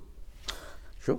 مرقوق. عجيب. فأي أتوقع مباشرة سيذهب ذهني ما هو مرقوقنا هذا شيء, شيء ثاني عندهم كذا. ما أكتشف إلا والله مرقوق مثلا يقول لك اريبيان ديش فهذه هذه لافته جدا. فهنا تروح تسأل ليش ومن الأشياء الطريفة أنني ذهبت إلى مطعم كذا وكذا في البرازيل في قريه من وجدت من ضمن أطباقهم مرقوق. وبعدين لما سيكون خلف هذا قصة ما الذي جاء به إلى هنا؟ يقول والله كان جانا واحد عربي زمان وقعد معنا شهرين وكان يطبخ من هذا وعجبتنا وقمنا نطبخ فلاحظ معي. شيء شيء شيء بالفعل لن لن يوجد إلا عندك تقريبا يعني وأعتقد أن هنا ممكن نقطة نشير لها آه إنه سابقا كان توثيق الأدب في أدب الرحلات في ما يشاهده الكاتب بنفسه صحيح. صحيح. وأيضا أحيانا مثل ما ذكرت إنه قد يوثق مثلا بعض القصص الشعبية عندهم أو الأحداث اللي هم يروونها من تاريخهم صحيح. آه الآن ممكن إنها تكون إنه لو الواحد شاف شيء غريب إنه يبدأ يكون أدب الرحلة كله ليس في تجربته آه في سفره إنما في تقصي لماذا حصل هذا الشيء الغريب. إيه خلاص. ف... خلاص هذا هذا هذا تجربته ترى. تحليله هو لهذا الشيء أو محاولة فلسفته أو محاولة البحث. إي والله لماذا يتصرفون كذا؟ لماذا يفعلون كذا؟ فأنت لا تخبر إنهم يتصرفون كذا بس أنت لماذا هم؟ أو دعني أقول قراءتك. لماذا يعني ما الذي ما الذي جعلهم يفعلون هكذا؟ يعني مثلا دعني أعطيك مثالا. عن مثلا يأتي شخص يقول طبعا معروف ان أو دعني أقول إنه معروف عالميا أن العرب من أكرم الناس. لكن يأتي شخص ما يقول لكم إن العرب من أكرم الناس هذه خلاص قيلت كثير أنا أنا, أنا لماذا هم كرماء أصلا؟ ما الذي يدفع؟ هم فقراء أصلا وغريب كرماء الكريم كي يكون غني. لما يفلسفها مثل ما فلسفتها سوزانا ستيتيفيك وآخرون يعني. وهي وهي واقعية إلى حد ما أنا معه. يقول لك أصلا العرب ما هم كرماء. لأن الكرم. اي والله. مو بالكرم اللي لا لا للكرم لا, لا يقول لك يعني. العرب ما هم كرماء لأنهم يحبون الكرم. هم كرماء لأنهم اضطروا إلى الكرم. اضطروا إلى الكرم. يعني مجبورون أن يكونوا كرماء. ليش؟ تقول لك الصحراء الجزيرة العربية صحراء بحر محيط. وغير ثابتة غير مستقرة. يعني ما تقول هذه ديار بني فلان ديار بني فلان ديار بني فلان اسما لكن تلقاهم هنا بكرة وبعد شهر ما تدري وين راح وين راح وين راح. فأنت عندما تذهب من هنا إلى حفر الباطن مشيا أو براحلتك لا تدري حقيقة من تقابل وأين تقابل. فأنت تأخذ معك زادا وتأخذ معك كذا وكذا وكذا. قد تتعرض لسطو وقد تتعرض للصوص وقد تتفاجأ بخيمة هنا أو عرب صادين هنا أو كذا أو كذا أو كذا. طبعا أنت ما ما في مطعم شو تقول لا والله الله يكثر خيرك وأنا بروح ما لابد أن يطعمك أناس ما شخص ما. زين؟ وأن يؤمنك وأن يعطي دابتك وأن يسقيك من البئر وأن كذا لابد أن يفعل شيئا ما شخص ما هذا الشيء. طيب لو لم يفعلوا الناس هكذا أليس أن الناس ستموت ولن تستطيع أن تسافر؟ صحيح. صار عقدا اجتماعيا أنك دائما حاول أن تساعد الناس لأنك غدا ستسافر فيساعدك الناس وأنت ستذهب فيساعدك الناس ثم هذا سينتشر عنك وستعطي قبيلتك أيضا سمعة جيدة. فلان الفلاني. من القبيلة الفلانية أو من القوم الفلانيين أو كذا وكذا. والله أنهم النعم. والله كفو. يا مرة رحت عند واحد منهم وأكرمني وكذا وكذا. فلما أذهب أنا وأنا من تلك القبيلة يكون سمعتي جيدة. وفي الوقت نفسه لما أذهب لشخص يعرفني وأنا قد سوت وجهي معه يوم فأكيد أنه لن يطعمني ولن يسقيني. المسألة حياة وموت. ما فيها أني والله خلاص إذا ما أكلني الله يعيني أصبرني لا أطلب من التطبيق ويجيني. سهلة المسألة. فعبر القرون انتشرت فكرة أنه لابد أن تعطي. لابد أن تعطي في الواقع لأنك تعطي نفسك تعطي نفسك للمستقبل وتعطي نفسك. سمعة وت... وت... وهذا أيضا بيقول في قصيدة ولا بيمدح كل شيء. ترى هذا أيضا قيمة ترى هذا هذا ثمن ثمن قوي ما هو سهل يعني جدا. فكأنك تبيع حقيقة كأنك تبيع إما تبيع لنفسك. مقايضة هي. كأنك تبيع وكأنك أيضا ترصد لنفسك رصيدا في المستقبل. أنا لن أستغني وإذا إذا إذا عرف عني إني بخيل وإني ما أطعم ولا الناس تجي عندي والله ما أحد يطعمني وأموت. أو ابني يموت أو أخي يموت أو كذا. فعمليا أنا أخدم نفسي بشكل أو بآخر. يعني بعباره أخرى هي مصلحة. لكنها جميلة جدا. يعني ما أحد يقول إنها ليست جميلة لكن ما السبب فيها؟ هل هي والله بس أنا قاعد كذا؟ أبد. والله لو فت... ولذلك هي, هي تقول وهذا صحيح تقول إن العرب الذين يتحضرون تقل يقل مستوى الكرم عندهم. لأنه يقل الحاجة. أي وتقل الحاجة. يعني يقل مستوى الكرم عندهم. حتى يكاد يتلاشى في المدن متحضره جدا جدا جدا. طبعا ما أقصد تفضل أشرب شاي وكذا وكذا. لا يعني إنك تذبح ذبايح تضيف الناس وكذا وكل وكل يومين ثلاثة وأربعة. فتقول هذا لا يكاد يوجد في الحواضر العربية. لكنه موجود في البادية بكثرة لأن الناس قائمة. إضافة إلى شيء مهم حقيقة وهو أن البادية ثرية في المواشي. فما عندها مشكلة لكن الحضري ما عنده يا أخي الا الخمس عنزات ذي يعني كل شوية ذاك عنده مئات وعنده فيعني هذه القضية أنت لما تضيف هذا اضفت شيئا لكن صحيح. لما تقول لهم كرام لا أنت تضيف تحليلك وتضيف آراء أخرى أو كذا هذه القضية الذي فلسفة الأشياء أو تحليلها أو تفسيرها فهنا نقدر نقول يعني إنه ال ال موثق الرحلات أو الكاتب في الرحلات آه، له وظيفة أساسية في المجتمع إذا بربطه بمحور مرينا فيه قبل اللي هو وش وظيفة دراسة الأدب. فلو قلنا وش وظيفة دراسة أدب الرحلات كما أظن يعني إنه يعطينا اولا فهم لثقافات أخرى. قد نستفيد منه مثل ما استفادوا مننا مثل ما يعني آه، درسونا الأجانب في آه، فترة الاستعمار وكذا مع الاستشراق. آه، قد نستفيد منها في دراسات ناس آخرين في أخذ تجاربهم. أيضا هو لافاده بعض التخصصات الأخرى مثل يعني من يدرس التاريخ وغيره في إعطاء دلالات على الأشياء. فممكن قد يعني تظهر رواية أنه الحدث الفلاني حصل في البلد الفلاني يقول لا والله عندنا اثنين من أدبائنا راحوا ودونوه وكانوا في وقتها. فهذا يصير دليل في صالحك. صحيح. آه هذا يعني يذكرني حتى بمسألة يستشهد الكثير في هذه من أهمية الرحلات يعني. آه نعرف أنه الموطن ال ال الأصلي للقهوة هي اليمن. بينما ال ال الرواية الغربية عن من منشأ القهوة أنها من مزارع وغنماته آه أكلوا بذور القهوة. وهذا شيء خطأ لأن بذور القهوة ما تنشط أصلا اللي ذكرتها فلازم تطحنها وتحطها في موية. وقالوا إن أكلها وانشطت وانه صار الرجال أكتشف إن القهوة جيدة وبدأوا يشربونها. وإن هذا في إثيوبيا. هذه ما ذكرها إلا فرد. يعني هذا كذا حديث احاد هذا ما ذكرها إلا واحد شخص واحد إيطالي وثقها في مذكرته وأخذوها وركضوا بها وقالوا إن هذه حقيقة مطلقة. قدعنه قدعنه يعني حقيقة وانه اخذ التاريخ من عندنا يعني. علما إنه يعني طب القهوة اسمها موكا جاية من ميناء المخا. يعني ليش ليش تحطوا هذه؟ ف على أي حال دراسة دراسة أدب الرحلة هي تعتمد على الهدف من الدارس ماذا يريد الدارس إذا كان يريد بالفعل التأكد من معلومات معينة هل ذكرت في ذلك العصر لأن هذا الكاتب كان في ذلك العصر؟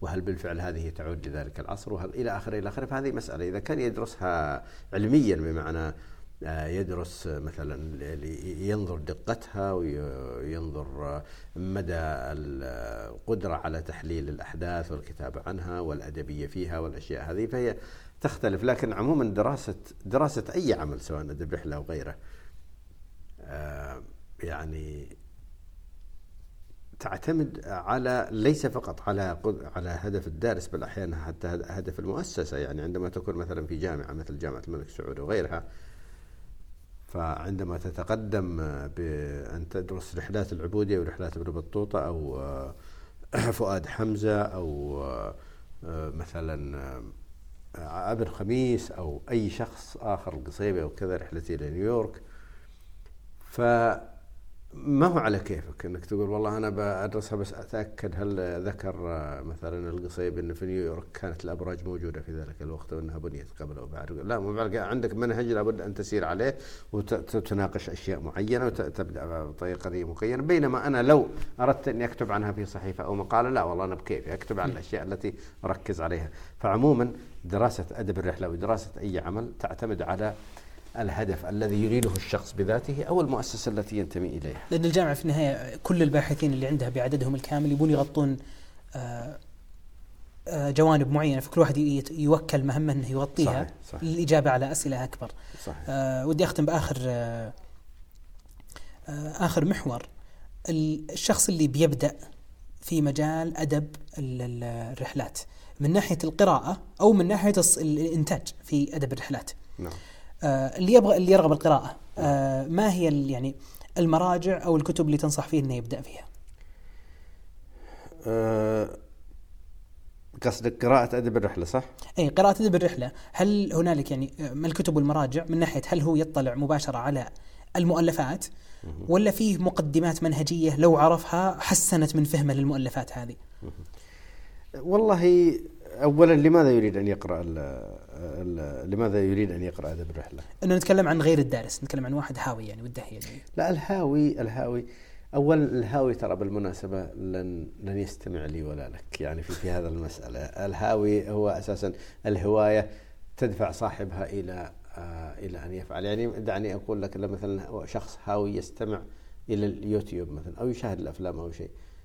هو أساسا هوايته قبلي يعني لن ينتظرني أقول لك إذا أردت أن تشاهد اليوتيوب ولا الأفلام أو المقاطع فعليك بكذا وكذا ما ينتظرني لكن على حال اذا إذا كان لأحد يستفيد من هذا يريد أن يجرب يعني. إذا لأحد يستفيد من هذا فقد لا تكون كتب الرحلات القديمة آه، المكان الجيد للانطلاق. لأنها أولا قد تكون صعبة عليه وقد تكون الأحداث التي فيها والأسماء التي مرت فيها آه، قد, قد تشكل له عقبات. يعني لما تأتيه أعلام مثلا وذهبنا إلى مثلا آه، أيام مثلا الحاكم السلجوقي نور الدين زنكي مدري شو. وش هو زنكي ذا؟ السياق الثقافي ما هو عنده يعني. ما يدري هذا يبغى يحتاج يرجع تاريخ وشو ف وذاك يحكيها على إنها معلومة في ذلك الوقت معروفة يعني. فالآن اختلفت المسألة. ف آه، آه، عندما آه، يبدأ أنا أرى أن يبدأ في الرحلات الحديثة الرحلات المعاصرة لأنها أولا لا زالت قريبة ومربوطة وخصوصا مثلا رحلات أنيس منصور مثلا الشائقة والجميلة والخفيفة وأيضا بعض الرحلات المعاصرة سواء أحيانا ترى بالمناسبة الرحلة ليس بالضرورة أن تكون خارجية.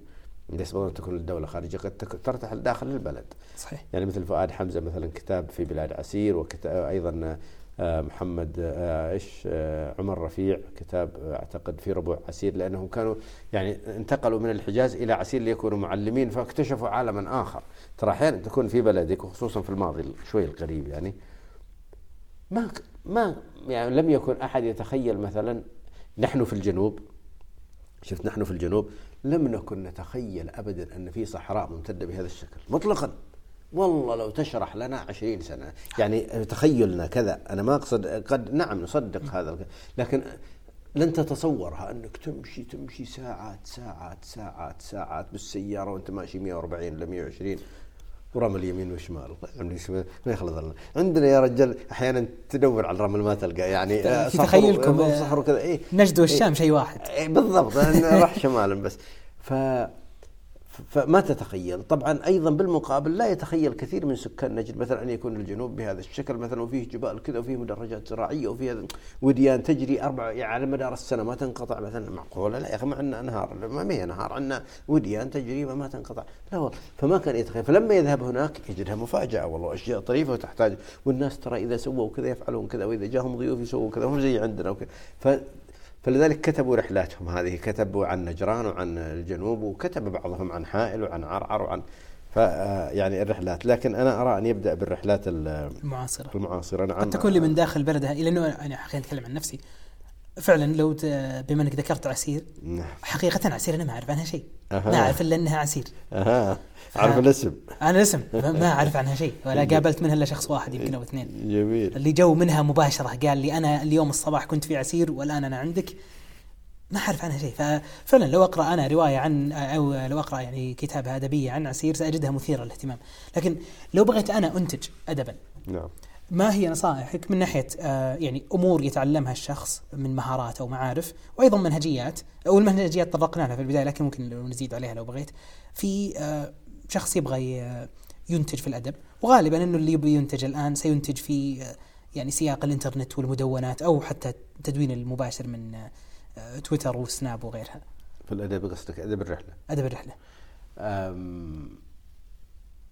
أنا شوف لا لا أؤمن بمسألة تأهيل الشخص. أنا أرى أن يكون مؤهل فقط لكن ليس بأشياء معينة كلما كان الإنسان أكثر ثقافة وأكثر قراءة وأكثر إلماما وعنده جزء جيد من التاريخ وجزء جيد من الجغرافيا وطرف من السياسة والفكر والقديم والحديث وحتى الأشياء الحديثة يعني آه، مثلا عنده فكرة عن الأفلام عن الغناء عن التمثيل عن عن الوسائل التقنية الحديثة. كلما كنت يعني أكثر إلماما بعصرك كنت أكثر إبداعا وربطا في كتابتك وكنت أكثر يعني قادرا على الجمع بين المتناقضات والبعيد والقريب والقديم والحديث والأشياء هذه وتبدو بينما إذا كانت ثقافة الشخص ضحلة تكون تظهر ذلك في كتابته. نعطيك مثالا.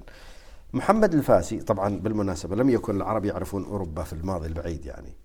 ما حد كان ما في رحلات لأوروبا في رحلات للشرق ولأفريقيا وكذا بس ما في رحلات. آه، بدأت الرحلات إلى أوروبا يعني إذا استثنينا بعض الاختراقات اللي قصيرة جدا أيام الأندلس وكذا لكن يمكن بدأت أول رحلة يعني معاصرة في القرن السابع عشر رحلة واحد عند مغربي من الذين طردوا من الأندلس وبعدين أرسل إلى هولندا وفرنسا. بسبب هذه الطردة بسبب مفاوضات في أشياء للحول لكنه أقام هناك سنة وكذا فكتب عام 1613 فكتب كتب كتابا يعني عن عن رحلته. آه، بعده يمكن انقطعت لمدة آه، تقريبا آه، قرنين أو كذا. حتى جاءت في القرن التاسع عشر عام 1860 بدأت بدأت العالم اللي يتحدى الشكل حديثا فأرسل كانت بعض الدول في شمال أفريقيا وفي يمكن مصر ترسل بعض الناس إلى إلى أوروبا لبعض الأهداف. كان من ضمن الذين ذهبوا إلى بريطانيا عام 1862 شخص اسمه محمد الفاسي. هذا مغربي أرسله ملك المغرب للتفاوض مع بريطانيا حول بعض الإشكاليات آه يعني حرب مع إسبانيا وكذا فيريد من بريطانيا أن تساعده. محمد الفاسي هذا ثقافته ضعيفة مع أنه سياسي وكذا وكذا لكن ثقافته الأدبية والعامة يعني. اتساع في الثقافة. فكتب حقيقة تقريرا. هو ولا ننسى هدفه أيضا. هو لم يذهب سائحا ولم يذهب للفرجة. هو ذهب قال له الملك روح هناك وكذا. وفي ومع ومعك كذا وانت رايح شوف لنا قوتهم ومواطنهم خلينا نستفيد منه فكان يكتب تقريرا إلى حد ما لكن حتى في التقرير بالمناسبة حتى حتى كاتب التقرير ترى يتضح إذا كان مثقفا جدا أو لا. فكتب تقريرا واضح أنه بسيط جدا. كذلك أفوقاي هذا الذي ذهب إلى هولندا 1613 ثقافته إلى حد ما لا أدري هل ثقافته بص يعني قليلة أم أنه لا يستطيع هو أن يكتب بالعربية جيدا لأن كتابته كانت بالعامية وكانت ضعيفة إلى حد ما. لكنها قدمت لنا أشياء جيدة. بعدين بعدين توالت الافضل حقيقة من من كتب عن الغرب من المبكرين آه، رفاع الطهطاوي في كتابته في كتابه هذا تلخيص الإبريز في أخبار باريس أو كذا. أو أو إيش؟ آه، الذهب الإبريز في تلخيص باريس باريس بالزائي. باريس عشان استجب لا لا هي كانت تسمى باريس حتى اي اي كانت تسمى آه، حتى مثل بلاد الإنجليز وكذا. يعني ترى تعرف السين والزاي قريبا من بعض. على أي حال فكتب هذه وكان هو كتبها بطريقة يعني احترافية، طبعا هو أقام هناك خمس سنوات وذهب في بعثة دراسية واستكشف آه، فرنسا كلها وإلى آخره. ف آه، يعني يمكننا القول إن كلما كثرت إجابة على سؤالك، كلما كثرت ثقافتك وتشعبت وألمت واستطعت أيضا أنت لأنه أحيانا قد تكثر الثقافة ما تورط فيها يعني. يعني إذا يعني ألا تلاحظ أن بعض البلدان ثرية وفقيرة يعني لديها مصادر ثروة هائلة وهي فقيرة شعبها فقير مثل فنزويلا مثلا. يعني أحيانا قد شخص يعطيك مليون ريال. ما تدري وش تسوي فيه؟ ضيعه ضيعه وشخص يلقى مئة ألف ريال ويستثمرها ويصبح ثريا جدا. عندما لا تستطيع أن تستثمر المعلومات الهائلة التي عندك وتوظفها لما تكتب أو تقول لا قيمة لها إلا تخزين فقط وتمشي راسك وهو يميل يمينا وشمالا من كثرة المعلومات. لكني بشكل عام لا يعني لا أستطيع أن أقول اقرأوا كذا وكذا وكذا بقدر ما أقول اقرأوا كثيرا. العناصر الأساسية عموما أن تكون قويا في لغتك وكتابتك هذا رقم واحد بوصفها مهارات. ثم الثقافة العامة هذه التي تساعدك كثيرا وستجد أن الكلمات والعبارات تنثال على لسانك من زحمتها حتى ما يعني تختار من كثرتها. بينما بعض الناس يعاني ماذا يجد ماذا يعبر عنه ما عنده اللفظ المناسب اللي يعبر عن هذه. بينما أنت عندك زحمة فيها.